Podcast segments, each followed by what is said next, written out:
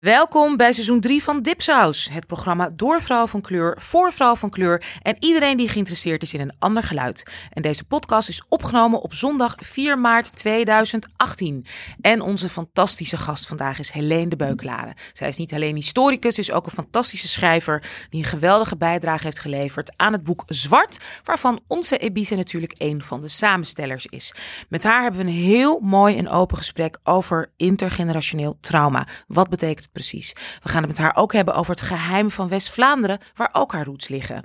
En we hebben een heel emotioneel gesprek met Sefire over gemengdheid. Wat betekent het voor haar? Wat doet het met ons? Wat betekent het? En waarom hebben we dit gesprek niet veel vaker? Nou ja, kortom, een prachtige lange aflevering. Een echte dipsaus aflevering. Geniet!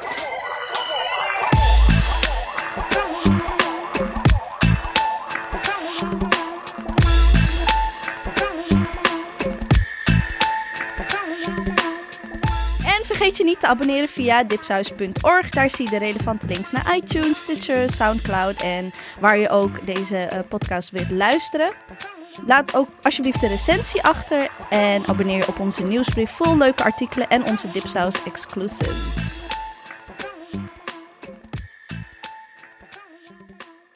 Welkom terug allemaal. Ja, ja, ja, seizoen 3, zoals jullie in de bonusaflevering eh, hebben gehoord. En de laatste aflevering van seizoen 2 met Vincent Patty zijn we dus een nieuwe samenwerking aangegaan. We maken dus eh, onze podcast samen met podcastplatform Dag en Nacht Media. We gaan prachtige aflevering maken die mooier klinken voor al die gevoelige trommelvliesjes out there. En hopelijk gaan we in zee met sponsoren. Dus mensen meld je bij ons. Leuke bedrijven die mooie spullen maken. Fenty Beauty bijvoorbeeld zou ik heel fijn vinden. Oké, goed. Als jullie meer willen weten over Dag en Nacht Media en welke andere podcasts eh, ze ook meewerken, kijk dan op hun website.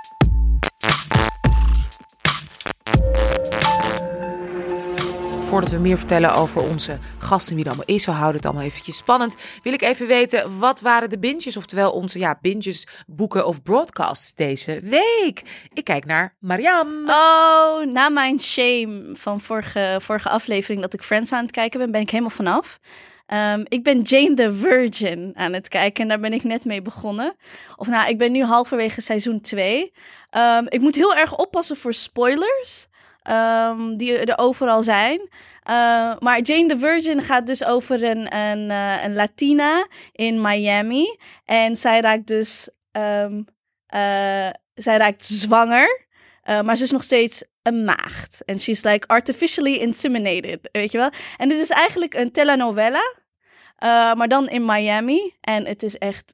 Het is heel bruin. Het is unapologetic. Het is soms ook heel erg woke. En heel erg grappig vooral. Er zit wel heel veel drama in. Dus soms denk je echt zo van... Gaat het weer mis? Maar dan moet je je... Dan heb je zo'n narrator en die zegt... Oh, sounds like a telenovela. En dan, en dan denk je... Oh ja, oh ja, natuurlijk. Ik ben gewoon een telenovela aan het kijken. Dus dat is echt mijn binge. Ik kan echt niet wachten nu weer om aan seizoen 3 te beginnen. Oké, dankjewel Mariam Elmasloui en mijn andere mooie collega Ebise Rauw. Wat ik gedaan heb, is ik ging naar eh Grownish kijken. Dat was eigenlijk omdat ik een programma met mijn kind, kinderen wilde kijken, wat, wat voornamelijk bestond uit niet-witte mensen. En we hebben samen naar uh, gekeken, een sitcom with a black family. Gewoon een upper class black family die dan eh, de vader is trying to be done with the He's, he's trying to keep in, keeping it real, but it's not working. Maar dat vonden ze echt allemaal stom, allebei. Ik heb het echt twee keer geprobeerd, maar ze willen gewoon niet kijken. Toen, toen dacht ik van, oké, misschien is Grownish, waarin de oudste dochter, Zoe, gaat naar college. En dus ze heeft een eigen spin-off gekregen. En dat is, eh, Zoe wordt gespeeld door eh, Yara Shahidi. Shahidi heet ze volgens mij. She's black and Iranian mix. Is echt, she's gorgeous. En haar mother, she looks één, echt, ik ben sowieso verliefd op haar. Want ze lijkt, ze lijkt op één, uh, hoe het? één druppel water. Twee druppels water. Ja, ja twee druppels, niet één, maar twee druppels water. she, she looks like her mom and she's, very, she's for a very young actress. She's very woke. En ik heb één uh, aflevering met hun gekeken, maar ik realiseerde het is echt voor tieners. Ze zijn net iets te jong. Ze vonden een paar dingen gewoon echt heel erg "Oh, wat gebeurt er nou, mama? Dus ze schaamden zich ook. Er waren een paar uh, scènes waar ze aan het zoenen waren en zo. Toen dacht ik van, oké, kinderen, nu naar bed. En daarna heb ik gewoon acht afleveringen achter elkaar gekeken. Dat, dat was mijn uh, binge. Ik vond het wel leuk, maar het is, ja, het is voor tieners. Oké, maar wel leuk. Ja. ja. Nou, ik voel me een hele slechte moeder nu. Want wat ik dus met mijn kinderen kijk, echt gênant, is Temptation Island. Nee, echt. Ik kijk gewoon Temptation Island met mijn kinderen. En het is echt, ik bedoel, ik, het is mijn, ook natuurlijk deels mijn schuld. Maar ik geef mijn man de schuld. Want die, ik kwam gewoon op een gegeven moment thuis. En ze zaten gewoon Temptation Island te kijken. Ja, Gewoon alle drie. alle drie, allemaal. Dan gaan ze ook laat naar bed die avond. En toen daarna had- hadden zij zoiets van... ja, nou, het mag van papa. Wat een onzin. Ja, echt heftig, hè? Maar we liggen dus wel echt helemaal in de deuk. Kijk, Ja. het enige wat er leuk aan is met z'n allen... Kijk, A, dus... het is echt beter dan sex education. Ja. Beter kan je eigenlijk niet krijgen. En je weet ook meteen dat mensen gewoon... Ja, dat je gewoon men, dat je moeilijk mensen kan vertrouwen. Dus ze leren ook al hoe ze bepaalde Ah. muurtjes kunnen opzetten. Maar wat ik wel heel erg grappig vind, is gewoon, ja, het is, ze kunnen er ook heel erg om lachen. Het is ook echt heel grappig. Ja, het is echt een bizarre serie. Ja. Het is een bizarre serie. Ja, want ik, en België. Nederland, dat is ook leuk aan. Even heen naar Maar het ding is, our kids are the same age. I mean, de, de, jouw Ja. laatste twee en, en Samuel en Sonali. En ehm, wat ik... Ze, ze schaamden zich gewoon. Op een gegeven moment was er een scène waar one of the eh, characters is bisexual. En dan ging ze gaan het toilet in met een andere meisje. En ze, ze deden echt allebei gewoon, nee! Zo. Ja. En dat ze daar echt een beetje van slag eh, Ja. waren. Nee, bij mij doen ze ook hoor. Gaan ze wel echt zo van eeuw, eeuw, eeuw. Ja. Maar wel, jeetje, ze doen het gewoon echt met elkaar. Weet je, ze Ja. te. Nee, maar het is echt, het is, ja, het is Ja. te bizar voor woorden van Temptation Island. Erg, hè? Dat nog ja. bestaat. Ik dacht dat heel... Nog steeds, ja, joh. succesvol hoor. Ja. Oh my god, mega succesvol. Maar dat was dus niet mijn binge. Dat was voor meer in afschuw en horror. Dat ik weet dat mijn kinderen kijken. En dat ik ja, dan maar, maar meelach. Dat ik het dan maar grappig maak. Ehm, en, ehm, maar mijn eh, binge was echt... Ja, ik heb echt bijna alle analyses over de film Black Panther gevolgd. Gelezen, de artikelen, de podcasts, de weet ik veel, de liedjes, alles. De playlist. Het is echt heerlijk. Ik heb gewoon de hele week gewoon erin gewoond en gedroomd. En alle acteurs en alle selfies en alle Twitter feeds en de Black Twitter. De en memes. Alle wow. memes. Ja, het was Dus echt... de op de Black Panther is weet- De best quote. Dus echt, als je het nog niet hebt gezien, mag je eigenlijk niet meer naar deze podcast luisteren, vind ik. Nee, nou, ik was wel een week... Ik was echt laat, hè? Tot voordat ik echt tijd had om hem te gaan kijken. Dus ik heb Ja, alles... je wilde wel, dus daarom heb- hebben we jou niet uit dipsaus gegooid, want je wilde wel. Ja. Ik lag niet aan jou. Nee, maar ik moest dus alles... Ik moest dus op een gegeven moment op vrijdag ging ik alles inhalen en lezen. En elke keer als ik dat in de dipsausgroep gooide, was het... Ah, Marjan, dat eh, is oud. Weet je, en dan denk ik, it's four days ago. En ja, dat is Ja. oud. Ja, ik heb er echt in geleefd. Ja, dus, heerlijk, eh, ja. nou ja, echt... eh, Of de Black Nee. Panther. Heerlijk, heerlijk, heerlijk. Nou, nu gaan we eindelijk naar onze Ja. gast vandaag.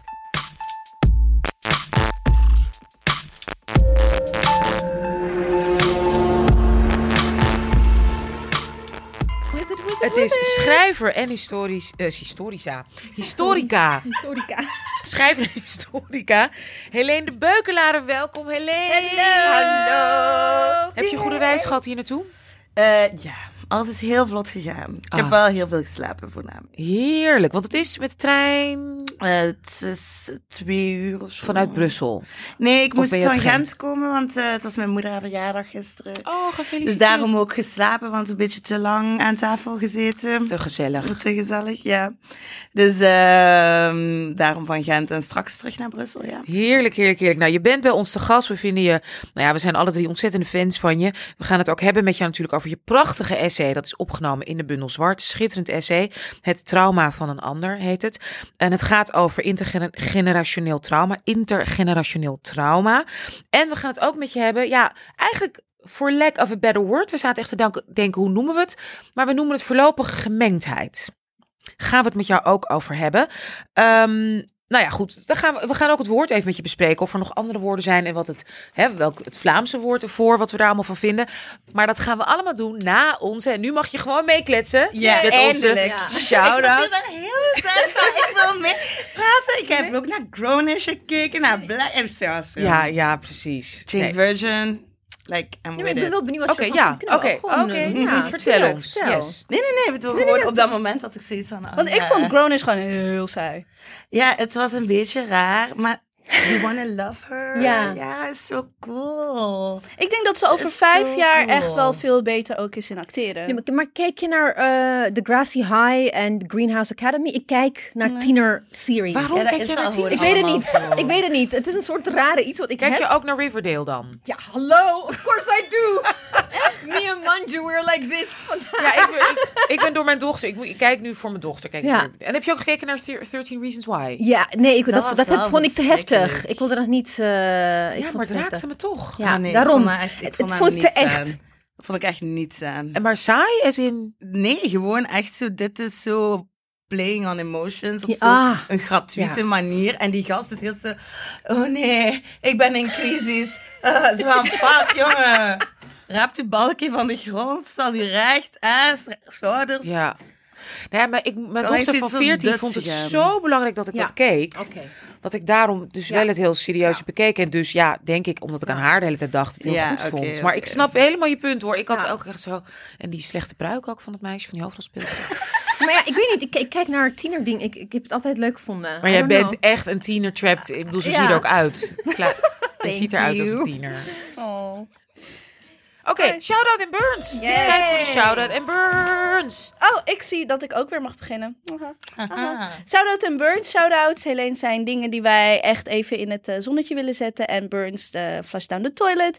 En ik ga mijn shoutout beginnen met Olave's Freedom Talks van Olasa, eh, Olave Bassabose. En Olave mocht in het kader van de Freedom Book Fair in, in Den Haag...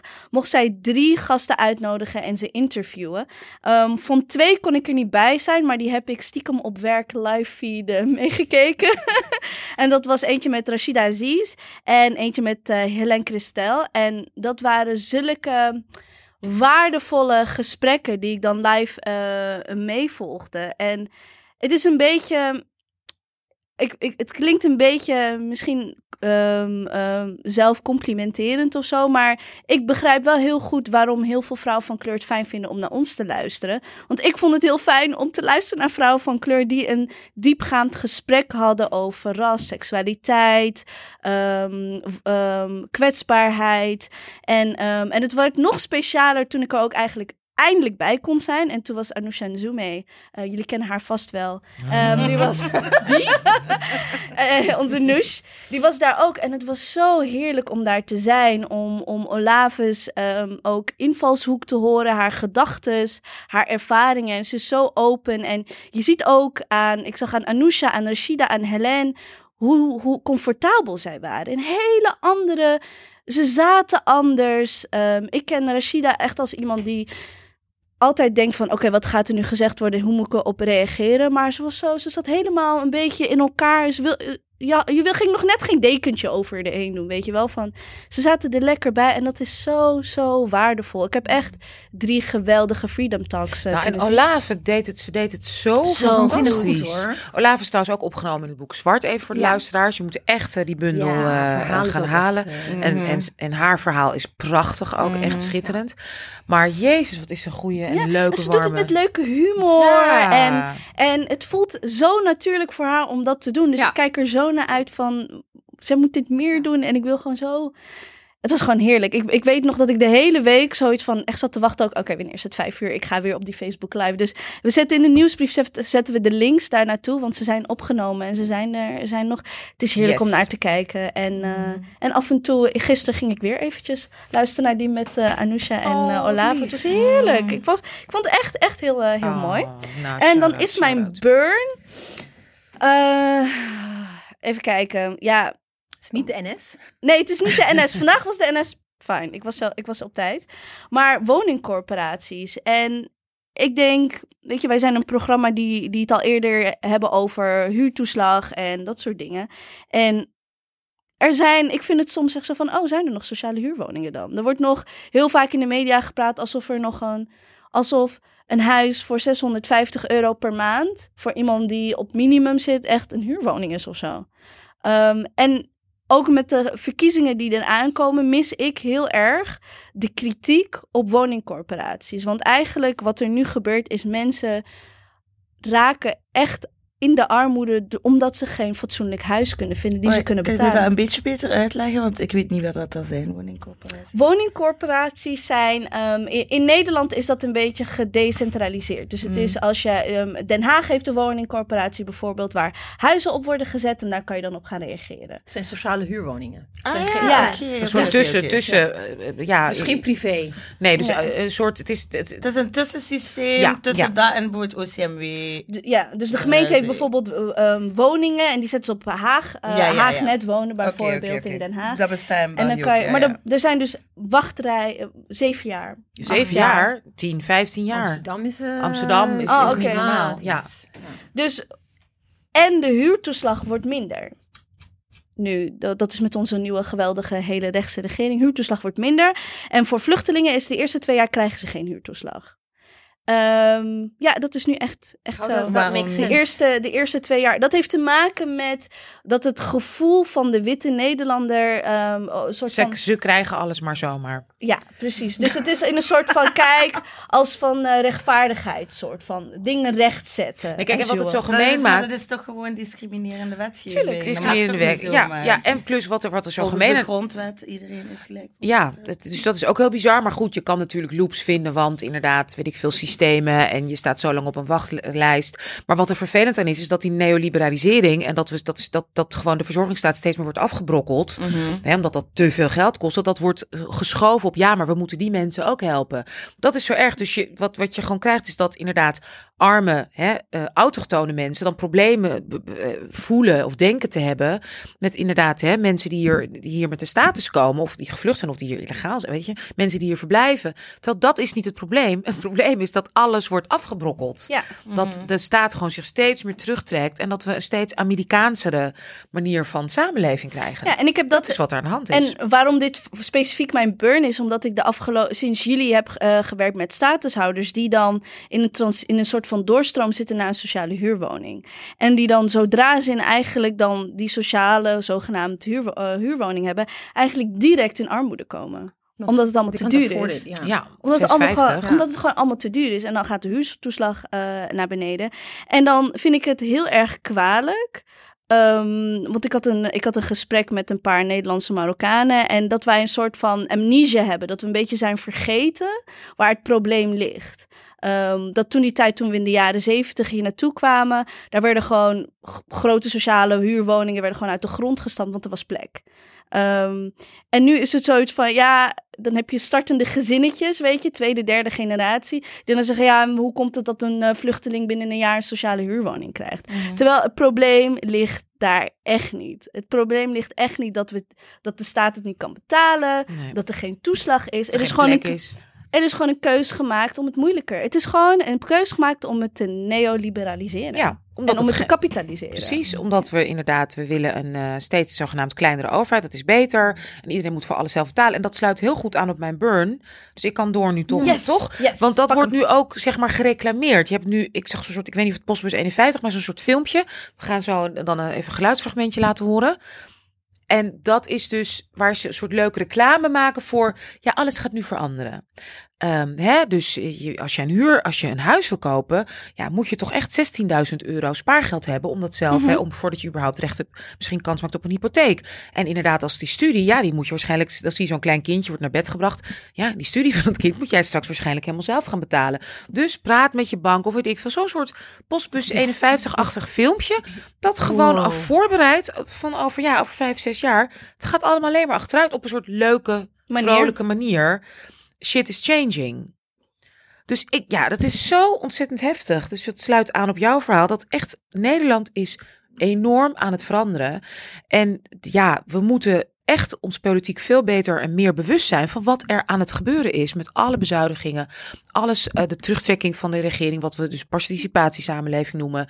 Terwijl er inderdaad, als je kijkt naar woningcorporaties, als je kijkt naar grote zorginstellingen, dat zijn nog steeds hele grote kolossen met grote directies, met allemaal mooie panden en kantoren en auto's en topsalarissen. En daarom Dus zijn die gemeente... wat gebeurt er? Precies, en daarom zijn die gemeentelijke verkiezingen zo belangrijk, omdat zoveel is gedecentraliseerd. Landelijke verkiezingen, alright, weet je wel, maar de, de, de woningcorporaties hebben een eh, zijn niet landelijk. Ze zijn gemeentelijk.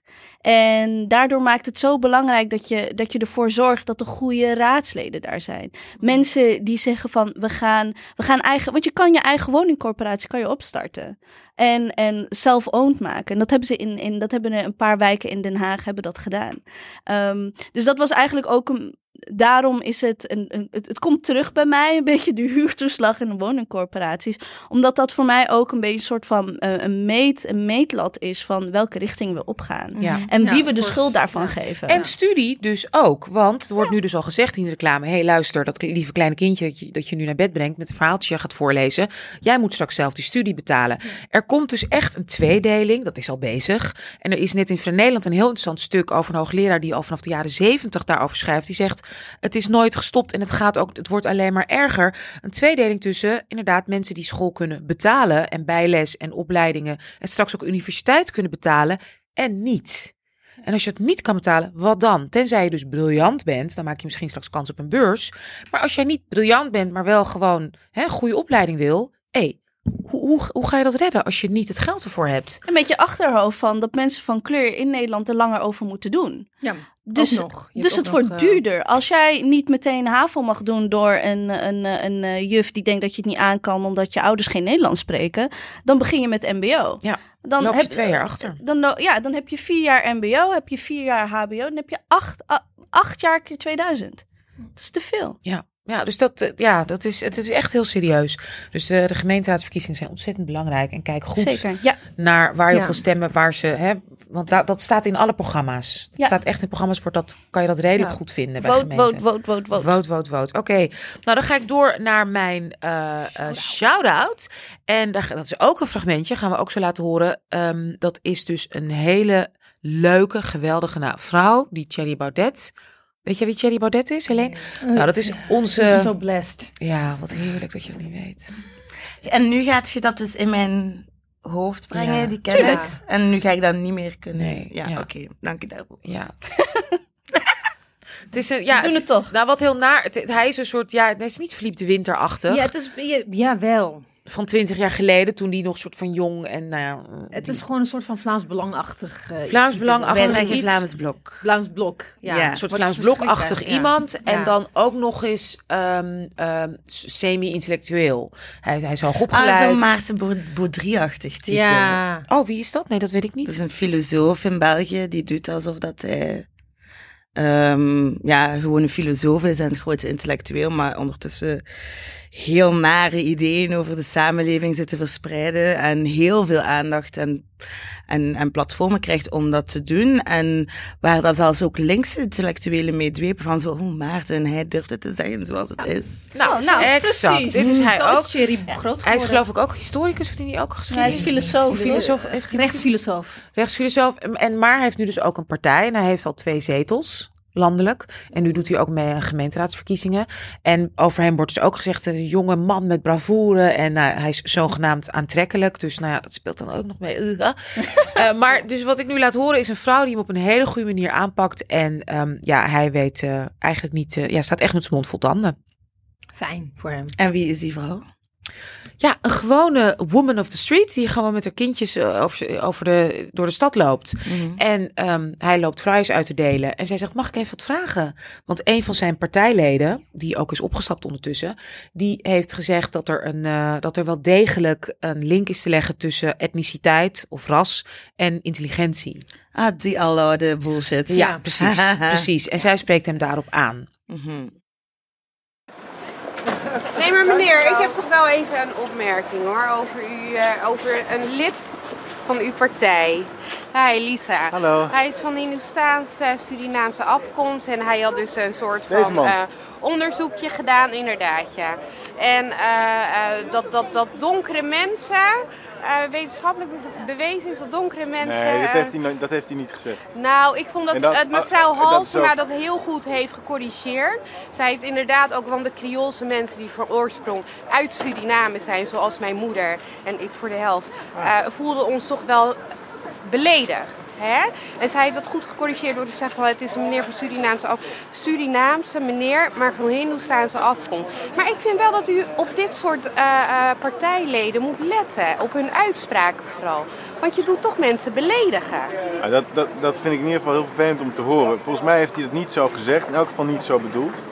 Hij heeft het Maar- wel zo gezegd, wellicht niet zo bedoeld. Het was een onhandige U als politicus vind ik dan wel dat u uzelf correct moet verwoorden. Hij heeft het wel zo gezegd, maar niet zo bedoeld.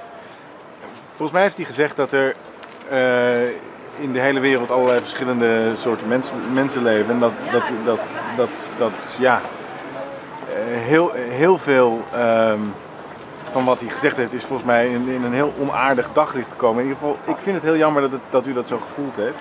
Goed. En eh, ik, hoop, ik hoop niet dat, dat dat idee blijft hangen dat wij eh, iets tegen wie dan ook zouden hebben, want dat is absoluut niet het geval. Nou, hartelijk dank. Hè? Want verkapt in uw woorden is toch wel een, een welgemeend excuus, proef ik. Oké. Goed zo. Ik heb geen burns. Wat? Ja, ik dacht ik ga positief beginnen. Eh, ik heb alleen maar shout-outs, dus ik heb er twee. Omdat ik geen burn heb. Ehm, en eigenlijk is de eerste shout-out ook een verkapte burn. Maar goed. Eh, ik wil eigenlijk ehm, iedere Nederlander van kleur gewoon een hart onder de riem steken. Omdat eh 21 maart zijn de gemeenteraadsverkiezingen. Dus alle politici, voornamelijk VVD en CDA-types, zijn bezig om eh, de racistische onderbuik te pleasen. Dus er wordt van alles en nog wat eh, in de media gezegd over onze nationale trots en traditie en bla bla bla. Dus ik wilde gewoon even tegen iedereen zeggen, you know, hug your peeps. Zoek elkaar op voor The World is Dark and Full of Terrors. Game En- of Thrones, en Game of Thrones. Dat ik ook nog kijken. Ja. en, mijn, Niet met de kinderen doen. en mijn tweede eh, shout-out is naar eh, Tiffany Haddish. She's a comedian, eh, African-American comedian en actrice. Eh, we En kennen toch haar best, ja? Ja, she's Eritrean, half Eritrean. Haar, haar, haar dad is Eritrean. En zij is nu echt na Girls Trip is haar, haar she's been in the business voor heel lang draait ze mee. Ze heeft best wel een heftige jeugd gehad. En nu is haar star after Girls Trip is ze echt gewoon eh, rising star. Welke van de vier is ze dan? The one die helemaal eh, losgaat. The, Oh, the- the die- outgoing one. Oh, oké. Ja. Die uh, boven op een balkon plast. Ja, Ja. Ja. als ze van die dingen. Ja, ja, Ja. die- Nee, ja? nee, nee, nee, Nee, nee. Dat is, dat is de vrouw... eh, dat is de Jada Pinkett Smith. Ja. Jada Pinkett Smith. Nou, the one, the, the vivacious degene one. die, die de eh, absent koopt. ja, die absent op straat. Ja, ja. Oh, ja. Oh, oké. Ja, ik En ze weet was jarenlang werkzaam als stand-up comedian, maar echt gewoon ook een paar jaar, geloof ik, of een jaar of zo, ik weet niet, in haar auto gewoond, zo Ja. arm. Oh, ja, wauw. zo arm was ze. Ja. En eh, ze, dus, she, she, dus ik volg haar nu op Instagram en ook wel een beetje op Twitter. Maar ook vanwege Black Twitter komt ze vaker op mijn timeline. En af en toe krijg ik in zo'n clickhole belandje waar je alleen maar filmpjes van haar ziet. Maar ze heeft ook eh, een paar maanden geleden is ze naar Eritrea gegaan voor het eerst. Want her dad died not so long ago. En she was also vervreemd van hem, want eh her, their parents, her parents were uit, gingen uit elkaar toen ze heel jong was. En ze heeft haar vader pas veel later, heeft ze hem eh, we- weer leren kennen. En en he was already sick en hij is overleden. Dus ze heeft, she took his remains to Eritrea. To, Oh she met God. her family. Oh my god. En ze is echt helemaal gewoon. Ze heeft een geweldige tijd gehad daar. En eh, ze is ook gewoon echt helemaal gek op opera. She loves her. Oh, dat heb ik ook gezien. En ehm, ze was op de Ellen DeGeneres show. En Oprah was daarvoor op de Ellen DeGeneres show. En normally, eh, dat soort grote sterren zien andere sterren. Ze worden beschermd tegen fans. En ehm, Tiffany Haddish kwam na Oprah. En ze had al gezegd van ik wil haar ontmoeten, ik wil haar ontmoeten. Maar eh, ze hadden gezegd van het kan niet. Toen, dus ze was aan de beurt, ze ging zitten. En dan ineens komt Oprah en ze gaat echt helemaal... Nee, en maar wat zo schattig is, ze zei ook zo heel lief van... Ja, want ik heb haar ooit brieven geschreven. Zes brieven! Zes brieven, want ik had een zakenidee om iets met groenten of zo eigen. Want zij maakt ja. zelf, zij maakt zelf met haar broer of zo, doet iets met groenten. En dat heb ik er geschreven en dit en dat en dat. Ik heb er nooit antwoord op gekregen. En dan komt opeens Oprah op van... Sorry dat ik je niet heb geantwoord op je brief. Maar ze ging ook echt helemaal shaken zo. Echt, ze is maar- zo een Ugly cry, ugly Er cry. zijn, er zijn zo'n hele loop van filmpjes van mensen die voor het eerst Die Oprah tegen- Oprah ontmoeten. En de, de emoties zijn zo echt. Het is Ja. niet normaal. Luister, ik had het met haar man. Ik heb haar man, de Stedman, ontmoet. Ja. Nou, toen was ik helemaal, werd ik heel al hysterisch. dat het Stedman was. One degree removed. Ja, ik plakte me echt aan hem vast. En hij was het ook zo gewend. En zei, ja, natuurlijk, kom maar. Weet je? Het lichaam dat Oprah gewoon knuffelt. Ik werd helemaal gek. Een beetje snuffelen. Ja, ja, ja. Oh, ik heb alles in me opgenomen. Ja, en hij vond het helemaal oké. Weet je, Echt zoals die... Echt, oh. Heerlijk. Ja. Leuke man, hoor. Ja. Maar wat, wat, wat nog leuker maakt, ze is echt zo... Ze is heel bijna kinderlijk blijheid, maar ze is ook gewoon echt... She's, she's a very funny woman. En op een gegeven moment heeft ze ook gewoon een, een, een, eh, filmpje opgenomen waar ze... Vanavond zijn de Oscars... Oscar-uitreiking is Ja. vannacht. I'm, Usual- voting for, I'm, I'm rooting for everyone, anyone black. Ja. En zij gaat ook waarschijnlijk... we daar nog om, om Oscars? Nee, niet eens meer, maar zij heeft daar. ehm so, she's one of the presenters. En Ah. dan vraagt ze ook weer aan, aan Oprah of ze. Ik moet even opzoeken. Of ze president, of ze mee gaat doen met de... weer? Nee, of ze. Wat, wat, wat ga ik aantrekken? Vind je dat ik een eh Zuria moet aantrekken? En Zuria is like that Er- Eritrean eh, traditional dress. Dus iedereen op Twitter like. Old Eritreans, de diaspora was like, ja, je moet een Zuria dragen naar de Oscars. Dus vanavond ik gaan ben we het heel zien. erg benieuwd. Oh, ja. benieuwd. Ja. Maar ik heb dus gezien hoe Oprah wordt verrast. Want die wordt natuurlijk bijna nooit verrast, toch? Die verras je niet zo snel. Maar ook met wie ga je opa verrassen? Nou, daarom. Dus wat zo mooi was, zij was dus, die, die, is, die is ook via Black Twitter, ben ik in zo'n loophole beland. En dan is dus een filmpje dat zij is dan te gast. Bij, kijk, wat ik zo tof vind aan Oprah, want ik ben ook echt een hysterische fan. Het maakt niet uit met wie ze praat. Of ze nou met zeg maar Bill Clinton of Michelle Obama of Beyoncé praat. Of inderdaad met, met mij. Ze is altijd hetzelfde, snap je? Ik heb, ik heb een podcast met haar ook geluisterd. Dat ze, en die podcastman kan gewoon niet eens geloven dat ze is. Zegt van nee, ik ben gewoon nog nooit gevraagd voor een podcast, maar ik vind het heel leuk. En ze is zo gewoon chill en gezellig en leuk. Dus met iedereen. Nou, zij komt dus in een show. Ja, niet een soort. Volgens mij in Amerika wel een redelijk bekend iets, want het is een, zwarte dominee.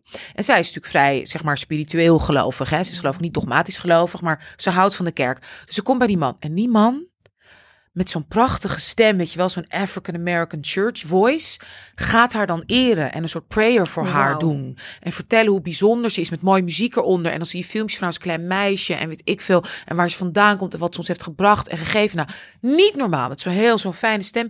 En het is een grote man en zij staat dan zo bij hem en zij stort helemaal in. Ah nee, ik, terwijl je dat het vertellen bent, krijg ik al tranen bij Echt? de ogen. Ik word echt te emo van. Dat zij, en dat duurt ook echt voor zo'n, gewoon echt tien minuten lang, hè? Gewoon hij zit hij haar te eren en dit en dat en met zo'n stem. Ja, ja, ja. Nou, moet je zien. Dan gaan we ook even links eh, op de.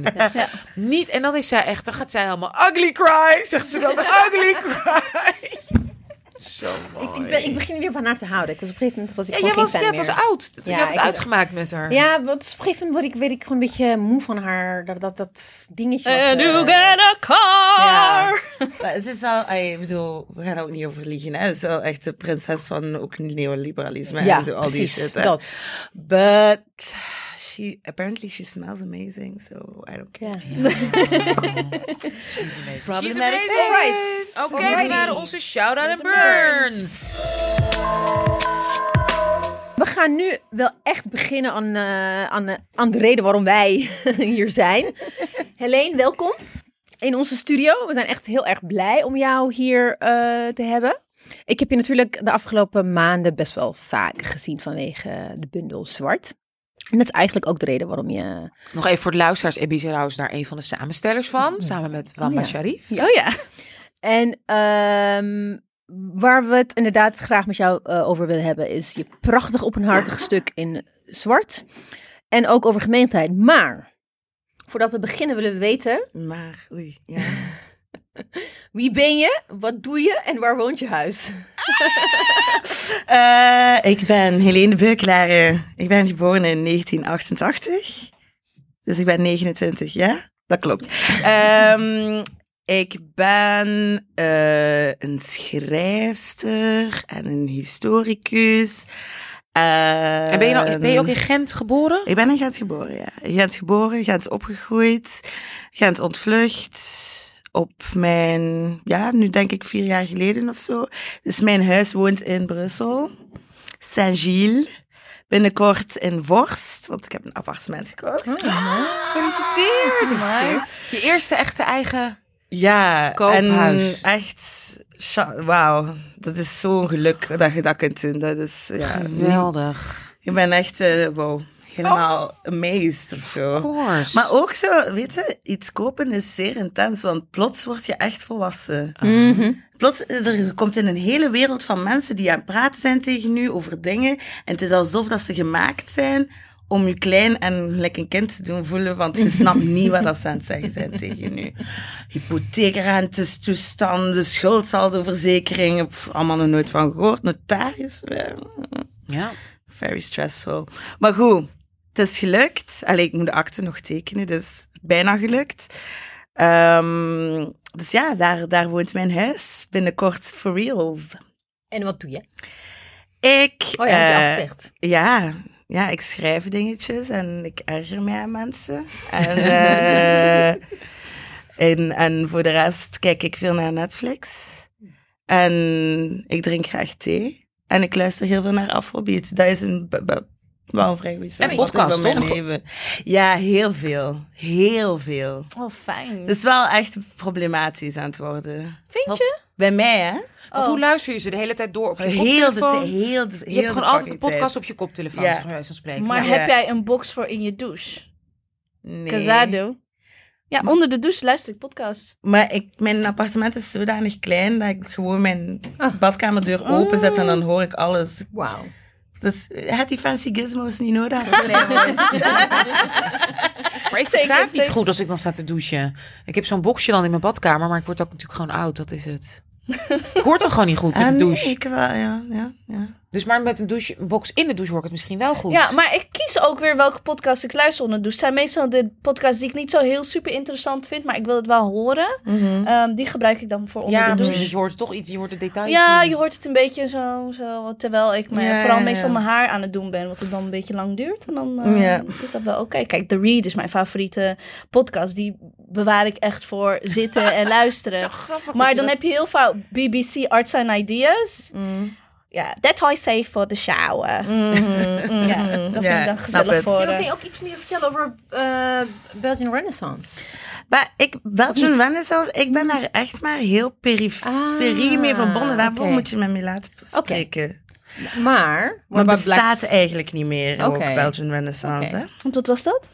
Dat was een organisatie dat...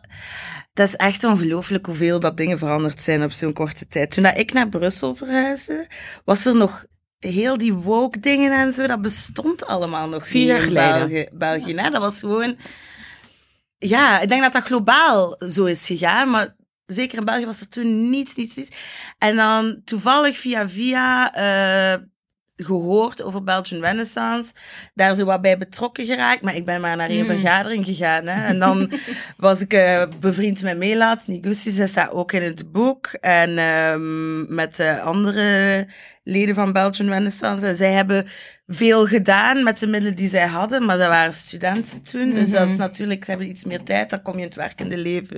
En dan gaat, Dan gaat het allemaal wat, wat moeilijker. Maar zij waren de e- zo, niet de eerste natuurlijk, maar zo een van de eerste die echt zo'n jongere organisatie voor en door kinderen, eh, mensen in de African eh, diaspora eh, in België hadden gemaakt. In Vlaamstalig België. Ja, want die groep is altijd klein geweest. Hè? Er is nooit, zoals in bijvoorbeeld in Frankrijk of Engeland of zelfs in Nederland, een grote groep tegelijkertijd vanuit ex-koloniale landen, voormalige koloniën, naar met z'n allen, zeg maar met 50, weet ik veel, of met duizend, naar Vlaanderen gekomen. Ehm, naar Brussel, ja, naar Franstalig België wel. Nee, maar naar Vla- naar ja, naar Vlaanderen. Vlaanderen niet. Je hebt wel ergens ooit een groep Ghanese gehad die allemaal in één keer naar Gent zijn gekomen. Maar ik weet niet goed waar dat, ju- dat juist het verhaal daarachter is. En daar zou ik, ik zou niet, ik zou niet zoveel willen zeggen, want ik zou misschien wel gewoon de bal totaal verkeerd kunnen slaan. Mhm. Maar het is niet gelijk dat je zo eh, migratie had in de trant van like de Turkse, Italiaanse Mm. migratie, die dan waar- werden aangetrokken als, ehm, als arbeiderskrachten, als werkkrachten. België heeft altijd zeer intentioneel ehm, niet ehm, die band met de kolonies opengehouden. Dus alles werd geëxternaliseerd naar daar.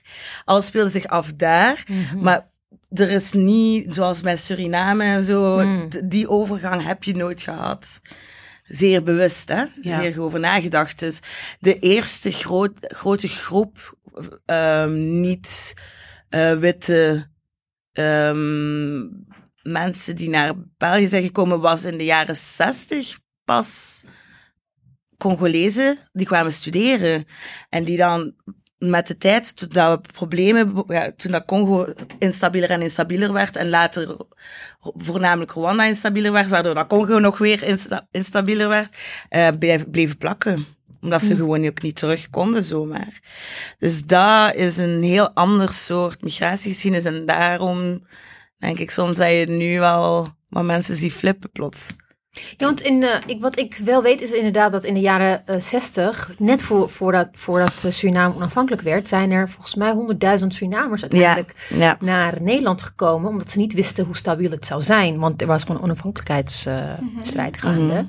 En die hebben gewoon, ze waren Nederlandse, they are subjects of the Dutch colony. Mhm. Dus ze, ze hadden automatisch Nederlandse paspoorts gekregen. Dus dat was niet het geval met eh, Belgische nee, helemaal niet. koloniën. Helemaal niet.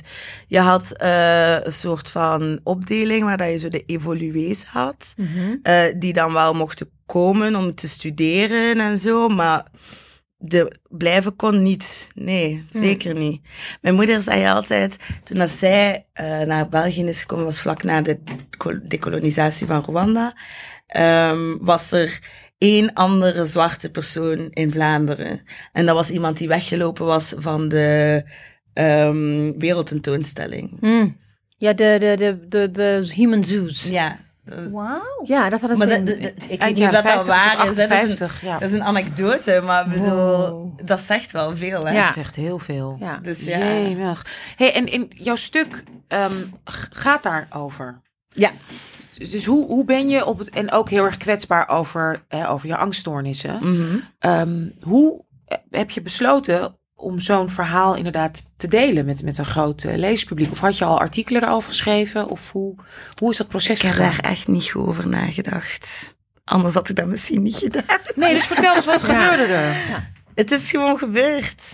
Het is gewoon zo gegaan. Je Ik ging heb zitten, dus je werd gevraagd, hè, je, je werd, bent gevraagd. Ja, ik was dus gevraagd en ik had dan met ABC erover gesproken van, ja, ik ging iets schrijven over fuckboys of zo. Mm. En dat lukte niet, want dat was niet grappig genoeg. En ga ja, en dan was ik ook zo al over de deadline en was van, oké, I need to like make something out of this. En dat zijn gewoon, dus, dat is gewoon heel makkelijk voor mij om te schrijven, want dat is gewoon wat dat, hoe, de, hoe het zit of zo. Ik heb, ik heb dat ding geschreven, allee, ik heb dat stuk geschreven op, op drie uur tijd of zo. Wauw. Even voor de luisteraars, het is een heel persoonlijk stuk. eh, waarin je eigenlijk uitlegt. ehm, eh, je gaat eigenlijk ja, op zoek naar, de, de- naar, de, naar het begin, beginsel of de, de, wortelen, de wortels van jouw angststoornis. En in het stuk realiseer je, terwijl je het schrijft, dat het, dat het natuurlijk ook te maken heeft. Nou ja, uiteindelijk dat vertelt een psychiater je. Maar dat het te maken heeft met het trauma van je moeder en het trauma van je oma. En je oma is een Rwandese die op haar eh 14e, 15e is uitgehuwelijkt aan een eh, Nee, ja, nee, nee, nee. nee. Nee. Eh, mijn, eh, ja, oma. niet uitgehuwelijkt, hè? Nee. Het is gewoon koloniale relaties. Oké. Dus zij heeft gewoon een relatie begonnen, of, of dat dat vrijwillig was of niet, daar kunnen je er serieus over twijfelen. Maar haar man was een colon, hè, zoals we zeggen in België, van rond de, rond de 60. En Zij was 15. Zij was 15 jaar ongeveer, ja, toen dat ze getrouwd zijn. Maar, Maar ze zijn dus zijn getrouwd? getrouwd. Ja, ja, ja. Volgens eh eh, wat is dat, gewoonterecht in Rwanda, niet volgens de Belgische staat. Maar omdat Rwanda een mandaatschap was, België moest de Hmm. gewoonterecht respecteren. Natuurlijk hebben ze dat niet gedaan. Of course. Maar, ehm, dus zij is, eh, eh, heeft met die man drie kinderen gekregen. Jouw oma. Ja, ehm, mijn eh, oom, mijn tante en mijn moeder. Mijn moeder is de jongste. En ehm, dan is hij overleden. heeft een hartaanval gekregen. En dan zijn zijn vrienden, co- colons in de eh, koloniale administratie, zijn gekomen, hebben de, heel zijn huis leeggeroofd, vrouw op straat gezet, zoon mee naar ehm, de Zwitserse paters om daar als boy huiswerk, allee, het huis te kuisen en zo. En mijn eh, tante en mijn moeder naar Savi, wat dat een weeshuis was, voor uh, weeshuis. Ik het niet echt weeshuis noemen als uw ouders nog in leven zijn, of tenminste een van uw ouders nog in leven is. Uh, voor metische kinderen, dus mixed race kinderen.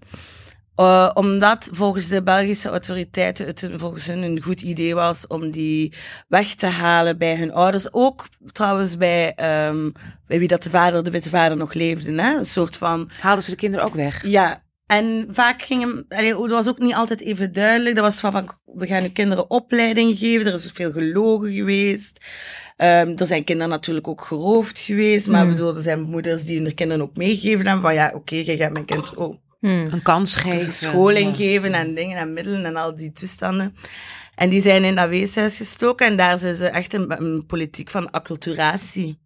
Mm. Wat ze bij uh, Aboriginals kinderen ook, ook in, uh, hebben. In Australië. Ja, um, van ook afzetten tegen uw Afrikaanse kant, uw Afrikaanse moeder, al die dingen. En dan met de decolonisatie zijn zij zogezegd een humanitaire missie. Ze noemden dat dan een humanitaire missie. Um, omdat de veiligheid van die kinderen niet kon gegarandeerd worden. Want natuurlijk, er was wel een beetje animositeit naar die gemengde kinderen, omdat vanuit hmm. de lokale bevolking. Um, maar doel, ik kan daar serieuze vragen bij, hmm. want ja, dat is hoe dat dan nu wordt voorgesteld. Uh, een soort humanitaire zogezegde missie, en ik zet hier echt airquotes te maken voor dood, ja. um, zijn die naar België gebracht. En dat zijn dus dat is gebeurd met jouw moeder en met jouw tante. Met mijn moeder en tante. En, ja. en de, de oom, die is. Die, uh, die zat nog altijd in dat Zwitsers, bij de Zwitserse paters. Die is naar Zwitserland gebracht. Die heeft een heel ingewikkeld en heel moeilijk leven gehad. Die woont ondertussen in de Verenigde Staten. Nee, maar en je oma dan? Ja. Gewoon daar achtergelaten. Jeetje. Weg, hè? Dus die kinderen zijn weg, hè? Ja. Er zijn verhalen van moeders die elke dag aan die poort gingen gaan staan, kloppen op die dingen. Waar zijn mijn kinderen? Waar zijn mijn kinderen? Kinderen waren weg. Kinderen waren in België. Kinderen zijn dan in België in pleeggezinnen geplaatst. Dat was ook de eerste versie van pleegzorg die er was. Dus kunt u al inbeelden wat dat mm. daarvan allemaal is misgelopen. Er waren ook, laten we wel zeggen, nog geen mensen van kleur in België. Dus hmm. dat, dat was al een heel ding. Maar dan ook de, de controle van de zorg voor die kinderen was echt niet goed. Um, er zijn heel veel verhalen van misbruik. Heel veel verhalen hmm. van, uh, van gewoon, ja... Um, mishandeling. Mishandeling. Um, en dus dat is het verhaal van wat wij nu, nu als een soort groep de Métisse van België noemen, Les Métis mm -hmm. de Belgique. Um, dat is nu meer en meer, allee, wij, het is al heel lang dat wij proberen aandacht te krijgen voor die mensen, mhm. voor dat deel van ons koloniaal verleden, wat dat, allee, het is zo'n groot verhaal, toch? Natuurlijk. En het gaat over Savi, dat we, we, weeshuis alleen al gaat het zeker over 800 kinderen of zo, oh. minstens. Maar je moet weten dat je heel Congo daarnaast hebt. Hè? Dus Savi was enkel Oost-Congo, Rwanda en Burundi, hmm. maar Congo is gigantisch. Dus er moet nog zoveel meer gebeurd zijn, maar dat weten we zelfs niet. En jouw moeder en, tan en, en jouw tante, zijn die met Nee, die zijn in aparte gezinnen En die hebben elkaar niet meer... Jawel, want mijn tante was oud genoeg. En zij is ook in een um, pleeggezin gestoken waar dat er heel veel, uh, of ja, meer zorg was voor, de, voor die identiteit of zo en voor haar. Dus zij had de ruimte om mijn moeder terug te vinden. En dat is gelukt. En dat is wel gelukt, ja. En hebben ze nog een relatie kunnen Ja, ja, opbouwen? ja. Zij hebben, mijn oh. tante is uh, twee jaar geleden overleden. Oh. Um, wat dan natuurlijk verschrikkelijk was. Ja. Maar um, mijn moeder en zij hebben wel... Allee, zij zijn zussen geweest. Ja. Hè. Ze hebben, dat is wel fijn. Dus dat hebben ze wel gehad. Maar het is zo heftig. En jij ja. brengt dat in een prachtig kort verhaal allemaal ja, bij elkaar. En gaat daar. En, en ja, ik krijg er echt tranen. Ik ook. En hebt het dan over jou persoonlijke trauma nog steeds daarmee, waar jij dus mee moet leven en je afvraagt waarom jij angststoornissen hebt, waarom je het moeilijk vindt om je te binden, waarom je het moeilijk vindt om inderdaad het volwassen leven aan te gaan. En het is allemaal zo ontzettend begrijpelijk. Het is ook enorm zo herkenbaar, want ik moest dan heel erg ook um, denken aan van, zit het dan, ik ging toen op een gegeven moment, het was een van de eerste keer dat ik zo, zo de, de term had gehoord, waardoor je ook, en dat hoorde ik toen jij het ging voorlezen in Tivoli Vredeburg bij de presentatie van het boek, waarin ik je dacht zo van, intergenerationeel trauma, heb je ja, over? Ja, intergenerationeel trauma van hoe, hoe natuurlijk kunnen wij niet honderden jaren. Waar gaat honderden jaren van kolonisatie? Mm. Waar gaat dat naartoe in onze DNA? Waar gaat, waar gaat. Dus je gaat dan heel erg.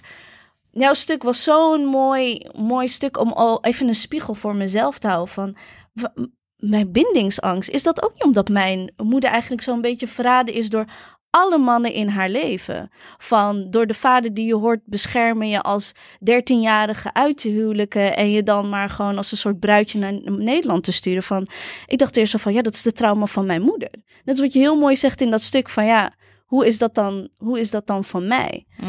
Ja, maar Ehm, natuurlijk, ik begrijp dat het. Natuurlijk is dat Ja. jou. Ik bedoel, vergeet niet dat, dat als jij, zeg maar, in Nederland bijvoorbeeld de eer- tweede generatie bent, hè, dus als jouw ouders Tweede Wereldoorlog hebben meegemaakt eh, en je bent van Joods ja. dan krijg je gewoon gratis, heb je recht op therapie. Is dat zo? Ja, Ja. Tweede, tweede, genera- tweede generatie trauma in Nederland eh, van, van eh, eh, de Holocaust survivors wordt gewoon heel erg herkend als Terecht, zijnde ja. en terecht. maar dat- en dat daar is heel veel aandacht Jij voor. ook twee, bij jou is Ja. tweede generatie Ja, trauma. maar het is niet derde generatie trauma, het is tweede generatie D- trauma. dat is de- toch de ironie hieraan, toch? Wat, wat de dubbele standaarden zijn. Want intergenerationeel trauma is ontdekt door allee, het Ja. opvolgen van ehm, tweede generatie Joden in ehm, Israël. Maar Israël had fantastische psychologische zorg hè, in die Ja. tijd. Ze hadden echt de beste denkers ter wereld daarover. En, en dus ja, ik bedoel, je ziet dat ook in literatuur, hè, like Maus, ken je dat Mhm, ja. stripboek? Yes. Fantastisch Ja. stripboek, dat gaat daar ook over. En dat is zo grappig, hoe dat... Allee, grappig, het is niet grappig. Ehm, zo schrijnend hoe dat, dat daarin waardevol is. Dat Ja, dat een waardevolle precies. uiting is. En Ehm, hoe dat, dat eh, serieus wordt genomen en met respect wordt bejegend en al die dingen. En als we het dan hebben over kolonisatie en de uitwassen daarvan. En ik vind, als je naar dit verhaal kijkt, het is een heel extreme uitwas van, van kolonisatie. Dan, dan is dat plots van... Ja, ja, waar, waar, waar, waar, ben jij nu over bezig? Over koloniale trauma wordt inderdaad, dat is ook even een vraag van, het wordt niet het wordt überhaupt niet herkend volgens mij in, in, in gewoon in de, in de conventional Nee, wisdom. maar het is toch ironisch, want het is toch exact hetzelfde. Het is exact hetzelfde, maar ook wat ik ook En- heel vaak zeg, is dat eh, de- vergelijking wordt gedaan met, als je het vergelijkt met eh, wanneer, gewoon puur tijdsbestek, wanneer de Tweede Wereldoorlog plaatsvond en wanneer het gros van de onafhank- onafhankelijkheidsstrijden in Afrika vond in de jaren 50 en 60, 60 60, ja. plaats. Which means that was like 20 years after the Second World War. Ja, Ja. dus Dus het is nog- de jaren zeventig. Ja, het is nog verser dan, Tuurlijk. dan de Second World War. En Namibië was, is wat twintig jaar geleden pas onafhankelijk geworden van. Zuid-Afrika. Dus het is, er wordt zo met twee maten gemeten. Ja, dat het echt, en, eh, de- en, en, daar, en het is daarom ook, allee, ik bedoel, ik, ik, hoe dat ik mijn psychiater beschrijf in het boek, is een beetje zo van, Ja. ja, de, mijn, de witte oude man, Ja. hè, in de witte oude mannenkamer. Waar je wel meteen thuis voelt. Ja, ja, zo echt zo, hè. Maar hij... Allee, ik geef hem zoveel credit, want ik was al naar zoveel psychologen en psychiaters en weet ik veel wat gegeven. En gewoon eerste moment was van, maar wat had je nu... Waarom denk jij dat je zoveel beter bent? Waarom denk je dat je sterker kunt zijn dan dat? hmm. En dat is echt iets dat ik echt zo... wel- Ja, ik ben hem wel echt heel dankbaar daarvoor. Want hoe gaat het nu met jou? Ja, vrij goed. Allee, ehm, ik heb, eh, allee, ik manage dat gewoon. Dat is management. Hmm. Ik denk niet dat eh, het idee, ey, het, het moment dat ik geaccepteerd heb, en ik denk dat dat iets is dat misschien veel mensen kan helpen, dat je niet kunt, dat dat een ziekte is. En dan Snap heb je, ja, dus dat intergenerationele Ja. trauma is een ziekte. Nou, of eh, bij mij uit angststoornissen. Ja, precies. Dat is een ziekte. Een Ja. ziekte net zoals dat diabetes of Ja. weet ik wat een ziekte is. En je bent niet ehm, beter of minder goed of weet ik veel wat, als je daar zo kunt doorploegen of zo. Allee, je bent gewoon ziek en je neemt medicatie daarvoor. Of je neemt niet geen medicatie daarvoor. Of je doet een andere treatment of whatever. En dat zorgt ervoor dat je je con conditie managt, weet je. Maar net zoals als je diabetes hebt en je, Ja. je, je gaat plots, ik weet niet wat, suikertaarten gaan eten van hier tot... eh, Laat die insuline tot, maar eh, zitten. ja, ik ben sterker dan dan, ga je ook. Ja. terugvallen, snap je? Ja. En dat is gewoon, bij mij is het gewoon management. Ja. Soms gaat het beter dan En ik wilde even keren. vragen, hoe reageerde je moeder toen, ze- toen je haar vertelde wat, wat eh, de psychiater heeft gediagnosticeerd? Ja, niet speciaal. Nee? Nee. Ze had ook niet echt zelf eh, iets van, like een soort openbaring? Of heeft ze, I mean, she has learned to live with it? Want zij is de eerste generatie. Of nee, ze, ja, ze- she's first generation immigrant. Nee, mijn, mijn ouders hebben zoiets van... Doe jij maar. Ja. Maar je moeder, hoe gaat het met haar? Goed. Ja, het was heb haar ik heb haar ontmoet. Ik heb haar ontmoet. Ja, wij, ik, wij ook, Ja. bij Zwart. Ja, mijn moeder is zo leuk. Nee, echt, ze is een schatje. Ja, dus En ze heeft geen makkelijk leven gehad. nee. Ehm, helemaal niet. Ehm, maar zij heeft wel een soort van weerbaarheid die ik nog niet veel gezien heb in mensen. Een soort van. ehm, ja, ik, ik hou niet zo van dat idee van kracht of innerlijke kracht of zo. Van, want dan heb je ook weer zo weer zo'n klassificering van mensen. Van sommige mensen zijn sterk en sommige mensen zijn zwak. Het is niet, het is niet dat. Het is gewoon, je kunt falen, het kan mislukken, je kunt je slecht voelen. Maar ze kan wel altijd doorgaan. En heel veel daarvan is ook dat zij een heel goede manier, heel goed in staat is om mensen in te schatten rondom haar. Dus ook haar partnerschap met mijn vader, zijn nog altijd samen, ehm, is, is een waardevolle, mooie relatie. En ik ben in een heel, heel mooi gezin opgegroeid. En ik heb gisteren zo laat nog met mijn ouders te praten, ook over zo, hoe dat, dat was voor hun. Want zij zijn een gemengd, gemengde relatie natuurlijk. Allee, tien jaar nadat e- voor het eerst eh, eh, interraciale huwelijken waren toegestaan in de Verenigde Staten, snap je? Ja. Dus dat was zo nieuw allemaal, maar voor hen was dat zo niet, niet zo'n ding. Niet, gewoon niet Nee. zo'n ding. En mijn vader ook zo, altijd gewoon zo volledig blind voor al die dingen. Tot op bijna fout, fout allee, De kleurenblindheid. ja, of, zo'n eh, beetje soms tot op randje af van... Jij, heb je dat nu niet gemaakt of zo? Maar het siert hem wel. Ja. En hij maakt het, het geeft haar ruimte. Ja, en heeft het ook niet te maken met het feit dat dat was his way of maybe dealing with it? Or want, wanting to deal with the situation? Dat je het niet elk, ja, ook, ja, ik weet het niet. Ik, ik ben aan het invullen nu. Maar, ehm, Herken je iets van ja, maar, nee, maar ik herken meer iets, van, eh, nee, meer jouw moeder eigenlijk, denk ik. Want eh, dan moet ik ook, ik, ik zat zelf te denken aan mijn moeder en, en wat zij ook mee heeft gemaakt. En you deal with it. You, je vindt een manier om met trauma's eh, te dealen. Zonder dat je weet dat je met trauma aan het dealen bent. Mm. Want wij zijn, wij zijn de generatie die gewend zijn Ja, om zelf ja, ja. onderzoek te doen. Whereas in, Ja, in. Ethiopië is het, you don't go to a psychiatrist. Dat betekent dat je, er is letterlijk een manier van eh, zeggen wat ze zeiden in Ethiopië. Like tenaka. Tenaka of tenakash means uh, her, her head was touched. As in, Ja. weet je, Schande. schande. En, en je bent gek geworden. Dat is het gewoon. Ja. En dat, is, dat was iets, het is niet dat je depressie hebt of zo, maar dat, dat je, het is of nul of helemaal gewoon niet meer Ja, en ik denk dat dat onze ook, eh, dat je, als je kijkt naar antropologie of eh, sociologie, ik bedoel, ehm eh, Rashida Aziz zei dat heel mooi in Niemand zal hier slapen vannacht, is, ja, ik moest op een gegeven moment mijn eigen antropoloog zijn, Ja. mijn eigen Ja, socioloog, ja. mijn eigen psycholoog. Zeker weten, maar het ding is ook, ik vind het ook wel grappig, want ik bedoel, dat geldt voor... Mijn vader is West-Vlamingen.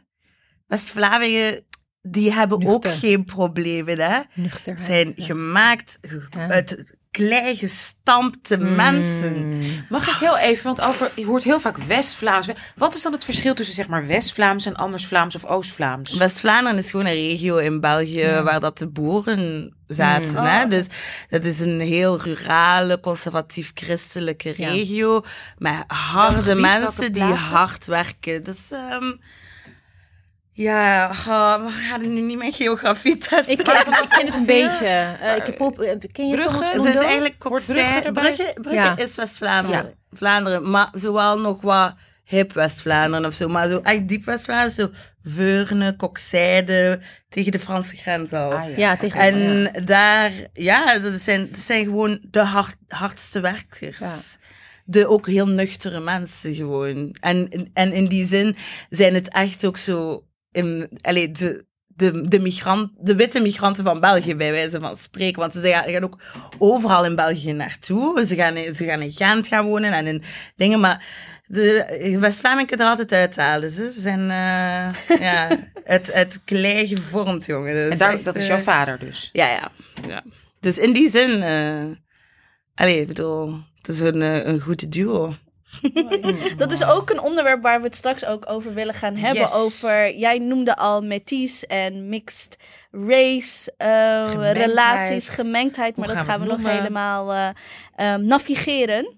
Eh, maar eerst willen we, moeten we even de sponsoren bedanken. En dat is een shout-out naar Revue die onze nieuwsbrief faciliteert. Ehm, als je daarop abonneert, mis je dus ook niet onze bonusafleveringen, onze Dipsaus exclusive. Dus als je al onze producten die wij produceren niet kan bijhouden, wordt dan abonneer je op de nieuwsbrief. En ehm, als je op iTunes luistert, laat een recensie achter, want dat helpt mensen onze podcast te vinden en dat is beter voor ons. Ehm, we willen ook Stichting Democratie en Media bedanken voor het mogelijk maken van onze Dipsaus exclusives. Hele mooie essays van jonge schrijvers van kleur. En last but not least, ehm, onze audiopartner Dag en Nacht Media. Who make us sound good. Yay! En we gaan inderdaad nu door met eh, onze fijne gast Helene Beukelade. Nu al zeg maar een emotioneel gesprek. En het gaat denk ik alleen maar emotioneler worden. Want we willen het met je hebben over inderdaad ja, gemengdheid. Hè? Hebben we het nu eigenlijk voor Ja. lack of a better word. Of misschien is het wel de, je- de best word genoemd. Ehm, ja goed, ik, ik ben net als jij van gemengde kom af. Eh, mijn vader is Cameroens, vol zeg maar Cameroens. Eh, mijn moeder is Russisch. Ehm, ja, jij hebt een half eh eh Rwandese moeder. Ehm, nou, Ebise heeft kinderen met een, met een, met een witte man. Marjam is eh, van Marokkaanse komaf, maar ook met, met, met afro-roots daarin. En heeft ook nichtjes, nichtjes hè, twee ja, nichtjes. twee nichtjes. Die dan weer meer afro ook zijn. Half Marokkaans, kwart Ghanese, kwart Libanees. Precies, dus het is in, bij ons allemaal een thema. En jouw oma was zwart, Ja, maar toch wel gewoon Marokkaans. Marokkaans, Noord-Afrikaans. Dus Noord-Afrikaans. ik- voor zover ik weet, maar ik wil nog een DNA-test doen. Voor zover ik weet, heb, eh, ze- ik heb ook aan mijn moeder gevraagd, mijn vader. Voor zover we weten hebben wij geen mixed met ehm, eh, white people. Voor zover we weten. Maar, Maar dat- wel met, met, met West-Afrikaans, of in ieder geval met, met Zwart-Afrikaans. Eh, indigenous- Ja, ja, indigenous, ja, ja, Indigenous. Alright. Nou goed, met, met andere woorden, het is voor ons allemaal een thema. Dus ja, in Nederland wordt ook de term vaak, die, die wij allemaal, ja, wat vreselijke term vinden, halfbloed. Ah nee, door. Ja. Ja. Halfbloed, heel, ja, halfbloedje. Maar ik ging het dus- spannend. En wordt zelfs een soort compliment. Oeh, je bent Ja. een lekker sexy halfbloedje. Heb Ah, ik heel ja. vaak gehoord toen ik al was, die, helaas. al die Ja. creepy En toen dacht ik nog wel, oh bedankt. Nee, maar ik gebruikte het. Ik weet ook dat ik het ook gewoon gebruikte. Want Ik was ja. ik, heb, ik heb het zo geleerd. Ik heb de taal zo geleerd. Dus dat heb ik ook Ja. gewoon. Nee, maar wat zo, ik dacht Ja. altijd, oh ja, ze bedoelen half om half. Ja, maar wat letterlijk werd, bedoeld, werd bedoeld was, nee, de helft van jouw Ja, bloed is iets waard en de andere helft hebben niet eens over. Dus dat maakt het zo erg pijnlijk. Maar het woord, eh, wat vind jij, het woord metis klinkt mij ook een beetje een soort van exotistisch in de oren. Wat, wat, wat? Ja, voor mij is dat, niet, is dat geen raar... Wat, Metis is gekomen als reactie op mulat. Ah, ja. Wat dat in België... Mulat, wat betekent mulat? Wat muilezel. Dat komt letterlijk van muilezel. Ja, dat komt letterlijk van muilezel. Mulatto. In Oh, het, ik- eh, in het Engels. ja. is toch een mix? Heftig. Is een, een, tussen een ezel en een paard. Ja. Oh my god. Oh my Ja. god. Ja. Dat heb ik no- Weet je dat ik dat niet Ik eens wist het niet. Want ik dacht, ah, mulat klinkt wel... Ja, Ja, en ik weet dat het in Amerika ook wordt gewoon niet gebruikt altijd wordt. Dat gezegd, is zo mulatje en Ja, zo heel ja. eh, zo Oh. lieflijk en schattig Maar het en komt zo. letterlijk van de mix ezel-paard. Ja, Alrighty. ja, dus wij Dat gebruiken iets dat is niet. met ezeltjes. I love ezeltjes. Ja, maar bedoel, de, de connotatie is duidelijk, hè. Dus, eh, ja, ja, ja. ja. Dus... En, wat, en wat is metis dan? Metis is, ja, ik weet, allee, oh, ik, ik- ik wil ook geen fouten zeggen, maar komt gewoon meer van het idee van metissage, van, van verweving. Ah, Aha, oké. verweving. Ja, Oké. zo, een soort, zo, of hoe dat ze het in het, in het Amerikaans zeggen, de swirl, weet je? Zo Oh, ja, eh, Dat is interesting. Wat dat is, ik vind dat een, vieze term, want dat is hyper zo van seksueel, ja. seksueel en zo. Maar ehm, dus in die zin is métis, métissage, is dat een beetje wat dat wij gebruiken. Ehm, want ik hou niet van halfbloed, ik hou ook niet van dubbelbloed. Ik vind dat een raar idee dat Ja. bloed anders zou zijn. Het Ja. Precies, het suggereert bloed, dat er ja. dus eh, Ja. verschillende soorten bloed Ja. zijn. Ja, van, dat is totaal absurd. Ehm, maar, ehm, dus ja, métis en dan... Wat dat- vind je van gemengd? Gemengd, mixed, ja, bedoel, al good, weten. Allee, ik ben eigenlijk, ik heb geen zin meer om heel veel energie te Ja. investeren in zo mij druk maken over die termen. Zolang dat mulat en, en halfbloed en dubbelbloed niet gebruikt worden, gemengd, mixed, métis, ça va, weet je? De reden waarom ik eh, wilde weten, was dat toen ik dus met Ties ging googlen, werd gewoon vertaald naar half bloed. Dus ik schrok gewoon. Dus ik, Ja, kende, ik ehm, kende de etymologie gewoon niet. Dus ik dacht van, betekent het half bloed of niet? Daarom dacht ik van, ik ga die vraag gewoon even in onze... En ja, dat, dat misschien wordt dat zo vertaald omdat het zo in de, in de spreektaal Precies, ja. gebruikt wordt. Ja. Maar wat, wat dat, voor zover dat ik weet, hè, en eh, tweet at me Hmm. if, eh, if I'm wrong, ehm, heb ik het begrepen dat métis verwijst meer naar gewoon zo die Hmm. Mixed. Je had daar, toch, mengeling. je had daar ja. toch ook een liedje over. Je suis métis, mélange de couleur. Ja? Ken Nee, je die dat nog? ken ik. Nee. Oké, die komt in de nieuwsbrief. Ik kan me dat dus nog herinneren van eh eh Franse lessen op, eh, op de middelbare oké. school. We kunnen, we kunnen even een fragmentje laten horen. Dat is ook wel Ja. leuk. Ja. That's not creepy at all. Het is een zwarte man. Het is een zwarte man die het zingt. Waar Ja, ik niet echt de het, eh, Ik zag niet echt de métis in hem. Nee, dus oh, nog problematischer. Dus ik weet niet. Maar, Maar- het, is een heel, het is een heel kleurrijk, zeg maar... eh, een beetje Michael Jackson, I don't care if you're black or white, Oh, weet je ah, wel. En dan ja. iedereen. Ook zo kleurtjes en het wordt dan Ja, gedanst. ja, Nou. Ik, ik vond het even, ik dacht zo van, nou, dit Je is geweldig. I, my mind was blown, echt waar. Ah.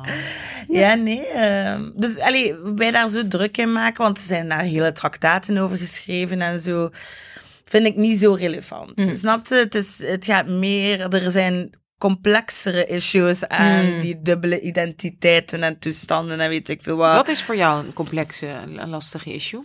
Ehm, maar het is ook, allee, dat, en dat moet ook duidelijk gezegd worden, ik ben wat dat ze noemen carteron, dus Ja. ehm kwart.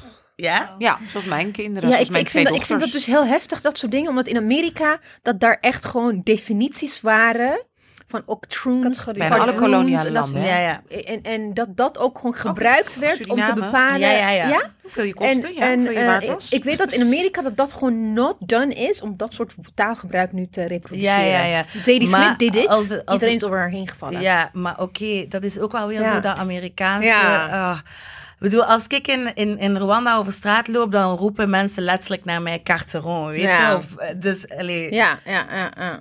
Ook Hoe zou je dan- chill soms, denk ik dan. En dan is er ook wel weer. ehm, ik moest ook aan denken aan eh, Meghan Markle bijvoorbeeld, die dan biracial is. Want Ik vind biracial vind ik. Ja, Ook een lastig woord, hè? Ook een Ja. lastig, ja. Is maar één ras, menselijk ras. Ja, precies. Dus, dus bi biracial noemt zij zichzelf. Maar zij identificeert zich niet per se als zwart. Nou, ik weet niet of dat gewoon een, een eh, strategie is omdat ze de Koninklijk Huis introuwt. Nee, dat Maar- heeft ze niet gezegd. Dat Dat- stuk had ze al geschreven, ze een paar jaar geleden geschreven. ja, ja. Ja. Oké, maar ik heb haar dus ook tot nu toe nog niet zien. ehm, Maar weet je wat ik daar heel erg aan herken? Kijk, ik, ik ben heel trots op mijn Russische roots. Ik ben half Russisch. En ik ben ontzettend Russisch opgevoed. Ik ben opgevoed voornamelijk door mijn moeder. Mijn ouders zijn ook jong uit elkaar gegaan. Ik ben veel in Cameroen geweest en ik had zeker een niet, niet de meest zeg maar close relatie met mijn vader vanwege afstand, maar wel echt een relatie met mijn vader mijn hele jeugd hoor. Dus ik heb altijd wel een vader in mijn leven gehad en een hele lieve stiefvader, Eh, een Nederlandse stiefvader. Maar ik ben heel Russisch opgevoed en ik ben heel trots op mijn Russische identiteit. En die draag ik heel graag uit. Maar van buitenaf word ik daar natuurlijk nou, wel in Rusland, want dan gaan ze er altijd vanuit praten dat ik gewoon sowieso, als ik hier ben, vast ook half Russisch ben of in ieder geval Russisch spreek. Maar ik word daar nooit, weet je, ik kan dat bijna nooit uitdragen. En als ik het eens wil uitdragen, zeg ik van, eh, eh, omdat je vanuit de buitenwereld maatschappelijk altijd wordt gezien als inderdaad gewoon, ja, donker, zwart of in ieder geval iets of waarschijnlijk Surinaams. Ja, maar dus waarom dat ik zeg Dus dat snap ik wel van, van, van Meghan Markle, sorry hoor, wou ik even zeggen. Ja. Dat zij, zij was heel trots ook op haar vader en op, ja, waar, hè, ook close met haar vader opgevoed. Dus dat, dat, in dat stuk wat ik las, las ik meer dat dan dat ze zich, zeg maar, nou, maar dat afstand was, nam maar, van zwart. Maar Maar ook, ik vind dat we echt wel moeten voorzichtig zijn met mensen af te vallen voor de, voor de, de, de eh, fases waar ze doorgaan bij de ontdekking van die identiteit. Dat is niet vanzelfsprekend. Nee, maar dat wilde ik ook helemaal niet doen. Maar als ik het even af mag maken, dan wordt het duidelijker wat ik probeerde te zeggen. Is dat Meghan, eh, dat, is, dat is voor haar. En dan at the same time heb je ook Drake die biracial is. En dan werd, en die dan zich dan identificeert. En dan vallen mensen weer over hem heen. Want ehm, het is dan niet eh, black enough. Dat was een beetje wat ik. Maar het is dat ik erbij wou zeggen toen ik zei van ehm, hoe de, de, de, de, de duidelijkheid maakt dat ik carteron ben. Ik ben heel light-skinned. Mijn haar is heel losse krullen. Ik heb lossere krullen dan u. Dan ja. soms, soms, soms vallen ze gewoon plat zelfs. Ehm, in de zin, bedoel, ik word als alles gelezen, hè. Ik bedoel, niet, en he- heel vaak niet als zwart. En ik beschouw mijzelf als zwart, en er zijn veel van mijn vrienden beschouwen mij ook zo. Ehm, maar ik wil ook niet, door dat te doen, afnemen van andermans Precies, ja. ehm, ervaring van zwart zijn. Hmm. Snap je? Zo wat dat, de light skin Want kijk, privilege en weet ik ja. veel wat. Want ik weet dat ik geen 4C haar heb. Of zelfs iets dat in de buurt komt daarvan. En ik weet ook dat ik, an, dat ik een zekere ehm, proximity to whiteness heb die andere mensen niet hebben. Mhm, ja. En dat... En, en moet daar dan ook niet flauw over doen en doen alsof Nee, van, natuurlijk eh, niet, van ja. ja, Ja. weet je. Ja. Dus ik, ik identificeer mij bijvoorbeeld als zwart, maar ik ga, ik ga dat niet zo, ik ga dat wel altijd bij duidelijk maken, maar ik ben wel heel, heel bewust van het feit dat veel mensen mij niet zo lezen op straat zelfs. En dat maakt het makkelijker. Of op mijn werk, Dat ja. heb ik ook. Ik ja. heb drie jaar in New York gewoond. En een van de redenen waarom ik het daar zoveel makkelijker had, was mijn proximity to, to whiteness. En dat ik- Nabijheid tot nabij, witheid, ja. nabij tot licht. En dat ik gewoon, ja, er licht, mixed, exotisch, weet ik veel, van alles en nog wat uitzie. En ik sowieso nooit werd geïdentificeerd als African American. Ja. Dat is alleen al hoe ik me kleden, of weet ik veel, kennelijk ja, mijn accent. Maar ook gewoon als ik op straat, als ik gewoon liep, werd ik nooit aangesproken als African American. Never nooit. Ook niet door African Americans, maar zeker niet door witte mensen. En dat maakt het voor mij in New York een stuk Ja. makkelijker. Ja, het is interessant Dus dat, dat je dat zegt. Want eh, eh, ja. als, ik, als ik ook gewoon puur naar- nu naar jullie kijk en naar mijn kinderen kijk. Ik ben, ik ben voor zover ik weet, volledig zwart. Eh, Ethiopians come in all kinds of shades. Ehm, en ook type haar. En, maar mijn kinderen. Je, heb, heb je mijn kinderen gezien? Nee, hè? Als je mijn kinderen ziet, ze, mijn, mijn dochter heeft les. Je hebt meer krullen dan mijn dochter. En zij is gewoon half zwart. En als, als je mijn dochter niet met mij ziet, stel dat mijn man samen met een, iemand uit India of Spa- Spanje of Italië is, zou je denken dat die kinderen ook gewoon half Italiaans, half Spaans, half whatever zijn. Dus mijn kinderen zijn heel erg, eh, in dat sens, racially ambiguous. Als je ze met mij ziet, dan, dan ga je denken van, oh ja, oké. Maar er was ook zelfs een tijd dat to- toen ze een baby waren, mensen dachten dat ik de nanny was. Ik ben ook gewoon als nanny Ja, aangesproken. en ik ging, ik ging een keer met, ze, met de tram naar Vondelpark om Pokémons te vangen.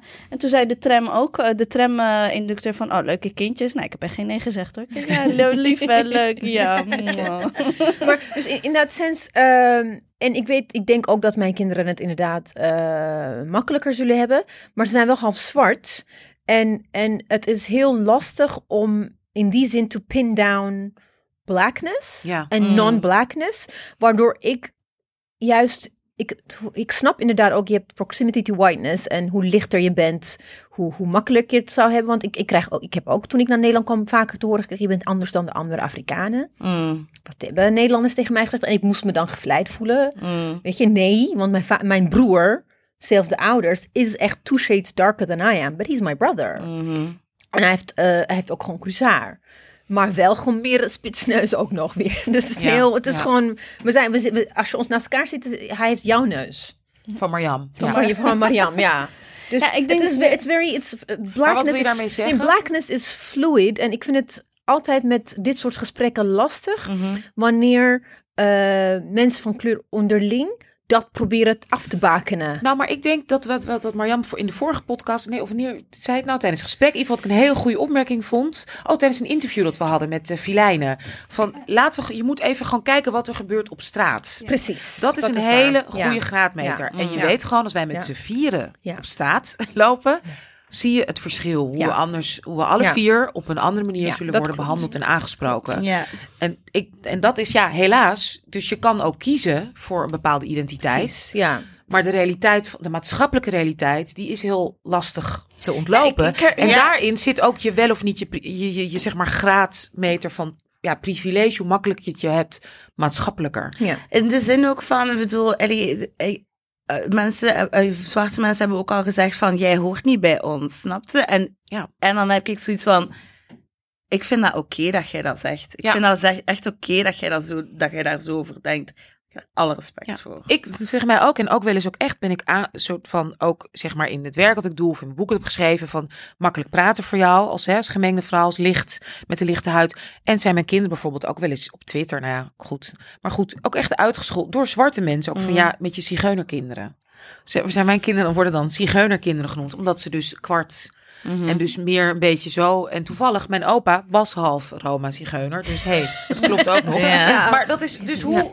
hè, het, het speelt, en dat, Ja. ik respecteer en snap het ook, natuurlijk. Absoluut. Ik denk dat wij wat wij proberen te doen, ook als, als, als vrouw van kleur, is die constructies. Ehm, die zijn gebouwd heel- en gelukkig niet door ons, weet je wel. Dat we wel een plek daar proberen in te vinden. Het to make it work for us. Een beetje eh, ook ehm, eh, het reclaimen misschien ervan. Want ik, Mm. hoor, ik hoor enorm wanneer je zegt van ja, dat, dat, dat oké, dan is dat prima. Ehm, wanneer ik dat, als ik bijvoorbeeld binnen mijn Marokkaanse gemeenschap, wanneer ik eh, mijn zwartheid claim, omdat het verwijderd is eigenlijk een beetje, dan ben ik daar niet zo om. Als iemand tegen, als een Marokkaan tegen mij zegt van nee, je bent niet zwart, Mhm. oh, en die is heel veel lichter, dan zeg ik nee. Ik ga dat claimen, want in die context Hmm. is een soort van rebellie bijna. Omdat ja, het maar niet... moesten- Maar je bedoelt daarmee dus indigenous Moroccan black. Even gewoon voor de voor de voor, voor de, voor de dat? Ja, voor de ja, dat, luisteraars is, en- dat is echt nog een hele... Dat- is, het- kijk, het is heel moeilijk to, to pin it down, because people traveled, hè? Ook. Nou, er het gaat geen er- Maar grenzen. in wanneer ik- iets, een haakje. Wanneer ik het in, in Marok Marokkaanse context zie, is dat er daar een geschiedenis is van hele diepe gewortelde anti-zwartheid. Ja. Waar je ook, eh, waarin eh, Marokkanen, dus dan heb ik het, dan heb ik het, heb ik het over ehm, ehm, ehm, Marokkanen die light-skinned zijn eigenlijk, Ja. die ook Sub-Saharianen in, hebben tot slaaf gemaakt in Marokko. Mhm. En daardoor is er dus een soort van mix ehm, gebeurd. En zijn dus ook tot slaafgemaakte uit, uit Mali, uit Senegal, zijn Marokkaans geworden. Mhm. Ehm, Door de eeuwen heen, ja. Precies, maar die zijn ook op een gegeven moment ook elite geworden. Die hebben zich een beetje omhoog gewerkt. En die identificeren zich niet meer als zwart, maar elite Marokkanen. Zoals mijn vader dat doet. Mijn vader zegt, nee, nee, ik ben, ik, ben, ik ben een elite Marokkaan. Hij verwijdert zich helemaal volledig van anything that is black. Mhm. In die context herclaim ik mijn zwartheid. Omdat dat in die context, waarin eigenlijk waarin er weinig witheid is, om, om het maar even zo te Mm. zeggen, waarin ik niet hoef uit te leggen van wat witte suprematie is of Mm. colonials of French people, kan ik mijn zwartheid in die context claimen. Ehm, omdat dat een soort van, ik breng het terug. Mhm.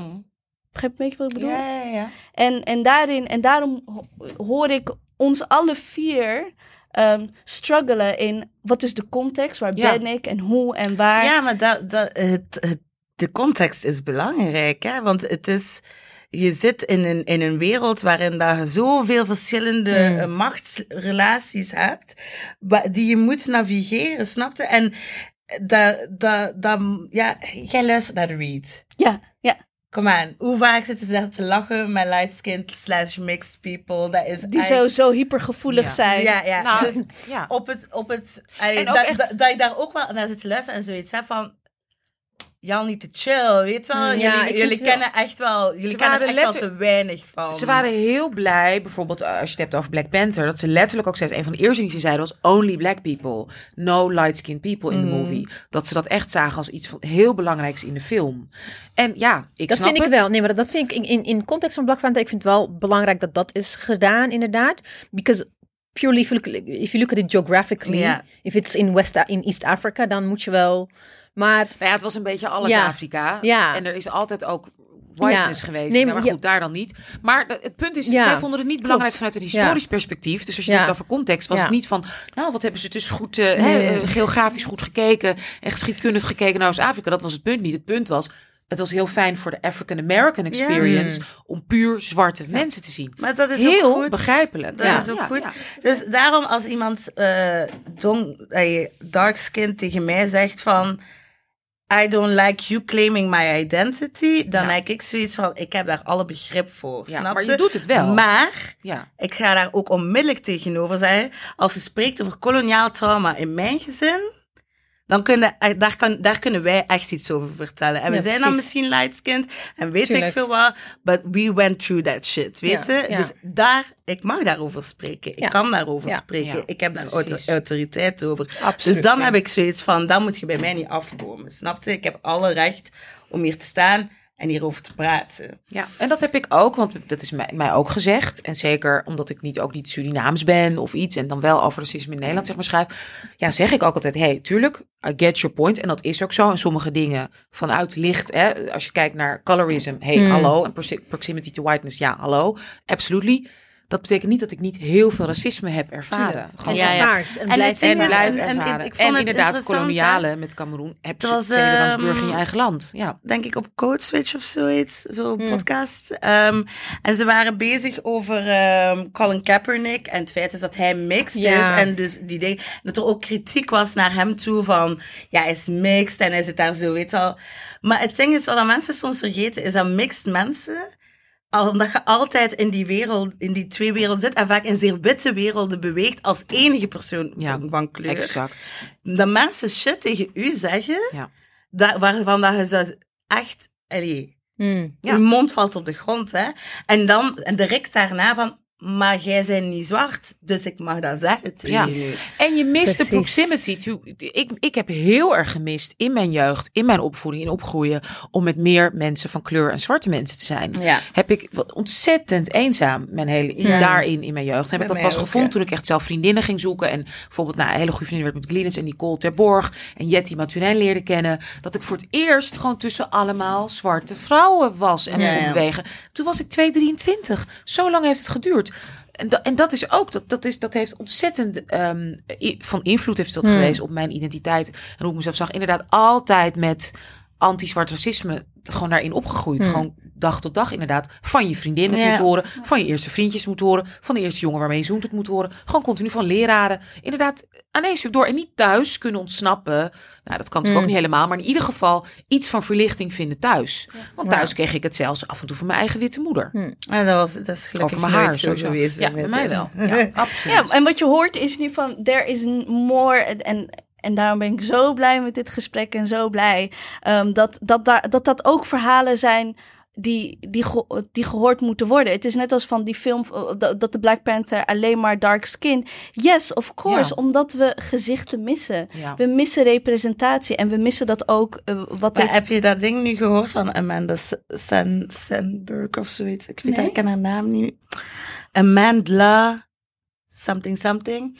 Zij zat in de Hunger Games. Zij was zo de jonge meisje in de Hunger Games. En zij zei, want zij is mixed race of heel light-skinned. En eh, ze was nu zo overal op OK Africa en zo van, ja, eh, zij was in de running voor, voor blijkbaar Shuri. Hmm. En dat Dat zij zusje. een stap had teruggenomen, zo gezegd, om, ehm, om eh, eh, ruimte te laten aan dark-skinned eh, acteurs. En ik had echt zoiets van, girl, als dat het geval was, waarom het, z- zegt je dan dit niet? Precies, dat moet je niet. Ja. Ja, dan, dan, moet je gewoon, dan had je nu gewoon je mond moeten houden. Ja. en dan, natuurlijk is, zijn mensen daar vo- vol aan aan het dragen nu op dingen. Had ik ook zoiets van, ja, you stepped in and honey. Doe het to Daar heb je echt jezelf Ja. bij gedaan, hoor. Ja. Sorry, ik bedoel, allee. Wat, wat voor iets is dat nu? Dat is echt zo... Ja, nee. Goed. Dit is een gesprek dat we nog in vele delen moeten... Ja, maar dit- mixheid absoluut, is ja. zo ingewikkeld en zoveel mensen ervaren op zo andere manieren. Ik bedoel, mijn zus is, heeft, heeft afro-haar, snap je? Zij leest veel Afrikaanser dan mij, dus mensen lezen haar ook onmiddellijk als Afrikaanse, denk ik. Maar zij zit daar niet mee in. Zij is daar gewoon totaal niet mee bezig. Op een andere manier, allee, misschien wel, maar het, het interesseert haar gewoon niet. En all the power to her, weet je, dat is goed voor haar en eh, als zij daarvan geniet. Maar, en dan ken ik ook mensen die, die volledig lezen als wit. They read as white in de zin van zijn mixed, vader of weet ik veel wat. Maar als je ziet, zien ze gewoon wit uit en dat is voor hun zo pijnlijk. Want het is echt een groot deel van hun identiteit die niet zichtbaar is. Dus allee, het alle, alle Hmm. alle spectrums daarin. Het is zo moeilijk en ingewikkeld. En met Black Speaks Back. Ah ja, we hebben het zelfs nog niet over Black Speaks Back. Ja, ik wilde maar- ook. Ik heb, ik heb die vraag vergeten eh, te stellen, maar je, je- ik had eerst willen stellen inderdaad eh, Belgian Renaissance, maar scratch that. Vertel iets meer over Black Speaks Back voordat we verder gaan met het gesprek. Ja, Black Speaks Back is ehm, een videokanaal dat ik ben begonnen. Ja, de Emily Amponsa is begonnen. Nederlandse die in eh, Brussel woont. Ehm, en wij zijn er ja, samen ingerold. Ehm, nu zijn we in totaal met vier en wij maken video's over en door en voor de Afro-Nederlandstalige mensen in de wereld. Ehm, dat zijn begonnen met panels en nu zijn we een um, Afrofuturistic musical aan het maken. Wow. Ja, dat gaat zo, zo zot zijn. Het is Ja. echt... Ja, het is eh, some crazy shit. Is wij- want wij hebben ook geen geld. Dus het is echt Ja. zo van... We hebben echt geen middelen of zo. We, we zijn gewoon maar aan het aanmodderen. Maar het is super tof. Zoals En- dipsaus. Ja, maar ik bedoel, we hebben, ja, we hebben eerst... We hadden, we hadden Ja. niets, ja, hè. Ja, dus, ehm, en ehm, dus we zijn dat nu aan het maken. En we, gaan, we hebben nu ook voor het eerst geld gekregen. Heel weinig geld, maar geld gekregen. Toch, ja. En daar gaan we nu zo korte documentaires maken. Maar dus om terug te komen over die mixedheid, we gingen daar dan iets rond doen. En dan begint je en dan is het van, maar dat is drie afleveringen. Ja, hè, mensen? Ja, joh. echt zo van, dit is zo fucking Ja. complexe ja, shit. Ja. We gaan erover verder praten, eigenlijk in onze afronding. Ja. Over toch die gemixheid. Want ehm, ehm, we gaan het met je hebben over onze DDD's. ja, weet je wat onze DDD's zijn? Wacht, hè, het is dipsausen, Ja. dansen Ja. en drinken. We een eh, fan.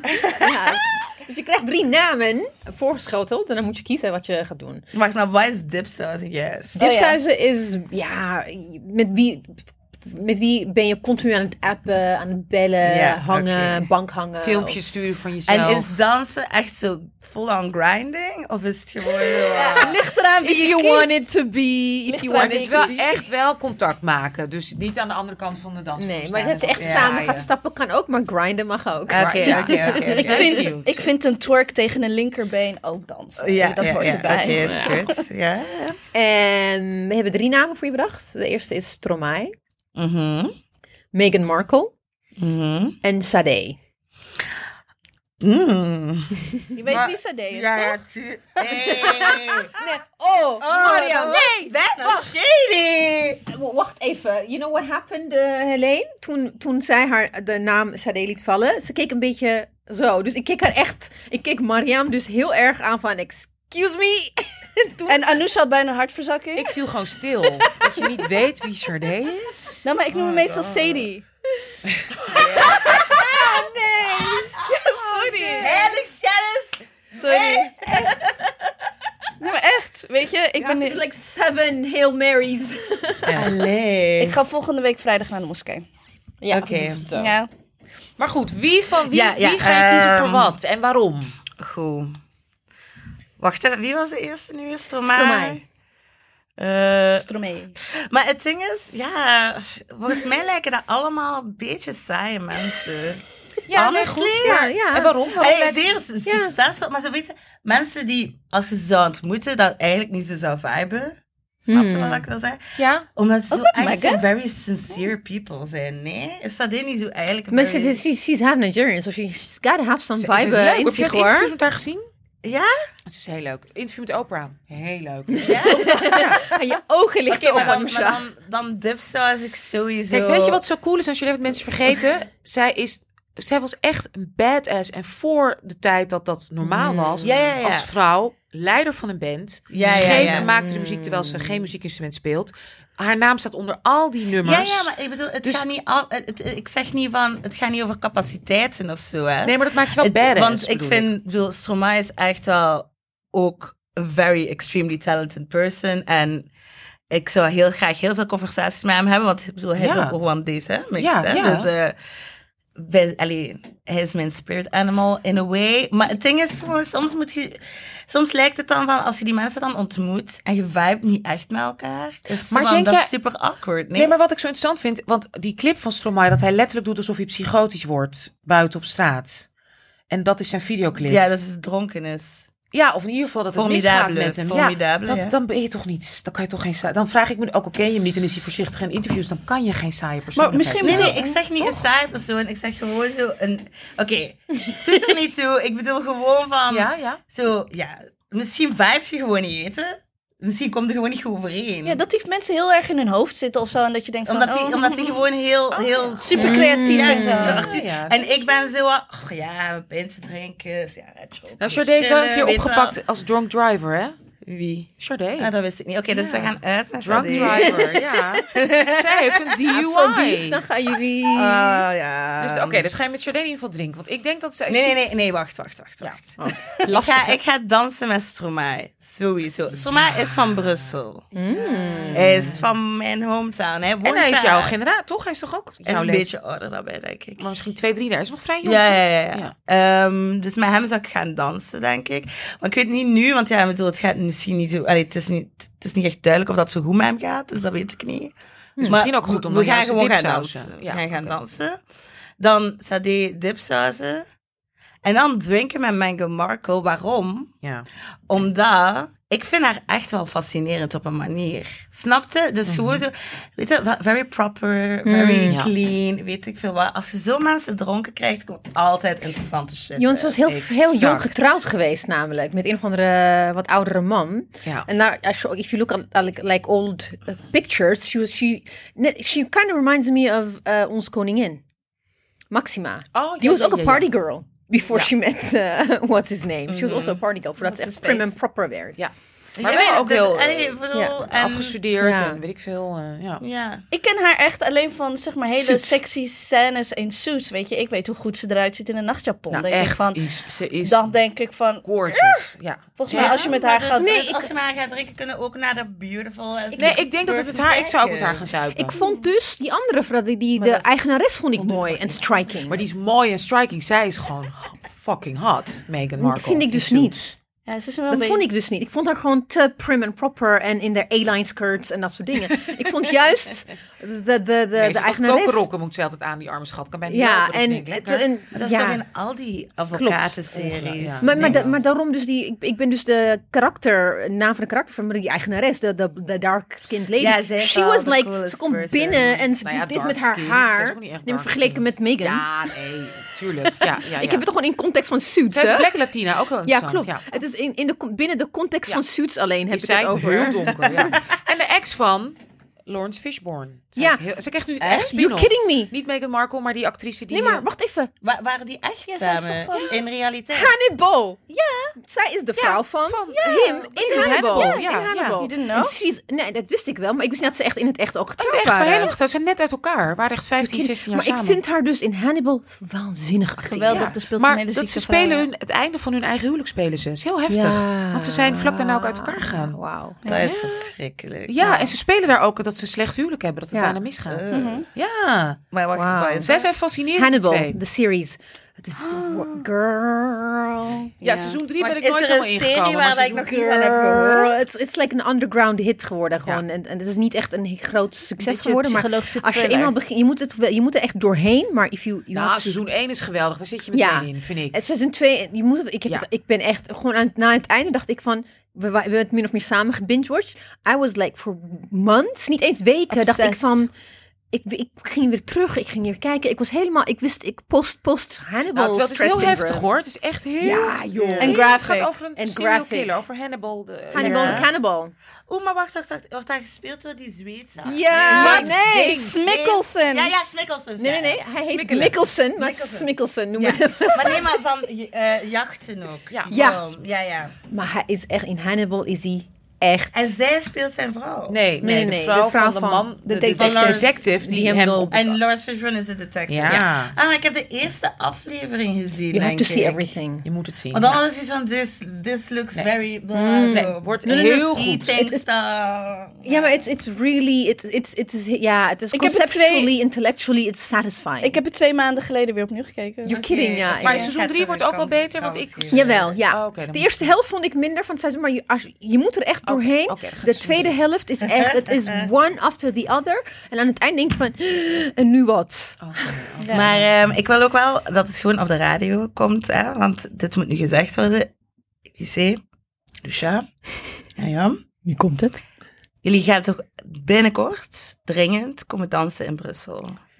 Ik kom Ja! dinsdag. Hoe lang Ja. zijn wij hier al over aan het Ja. praten? Ja. Oh. Ja, nou. Dinsdag. Maar dan kun- gaan jullie Nee, niet. gewoon door, echt gewoon een weekend. Ja. weekendje Dat wil ik echt heel graag. we gaan, we gaan, we- well, Jimmy Alade komt ook naar, naar Nederland, hè, dus. Want dat is Een echt andere. tof. Uitgaan naar Brussel is de, that's it. Ja. ja? Nee, niet per se, maar... Hangt er bedoel, vanaf met wie je bent. De Ja, hangt vanaf- Afrobeat shit is, is lit, ja. Oh, Chucky. Chucky. Maar ik weet niet of dat het hier... ik- Ja, Ja, Club DNA kan je in Amsterdam Ehm, wel langer uit... Mensen langer uitgaan dan, dan in Nederland. Denk, ja, nou wel Club DNA is ook wel... eh, Club DNA begint om twee uur s'nachts. Ja, maar je Ja. bent nog niet met ons eh, uit geweest. We vinden er ook wel wat Nee, van. maar Brussel is moeilijk. Ik bedoel, het kan ook zijn dat het gewoon echt heel plat ligt of iets. Hmm. Maar ik bedoel, de beste uitgaansavond was met Elaine Christel ook. ehm, was eh, Davido. Die kwam optreden in Brussel. En wie is? Super- Davido, hey, Afrobeat star. Girl! Hey, Girl, ik mag dan wel Sade zeggen, maar eh, ik weet wel wie Zij is heel jong, ik ben heel oud, hè? Davido is, is, is de... Ja. Oeh, Wizkid, Dus Davido. Ja, Davido- maar Wizkid- Wizkid, nee, Wizkid ken ik wel. Dat is, en my baby. Ja, maar Wizkid is gewoon my, I'm, it's my Nigerian. eh, ik ben natuurlijk proximity to Nigerian is, want ik ben van Southern Cameroon. En dat ja, hoorde Da- ook bij Engeland en Nigeria.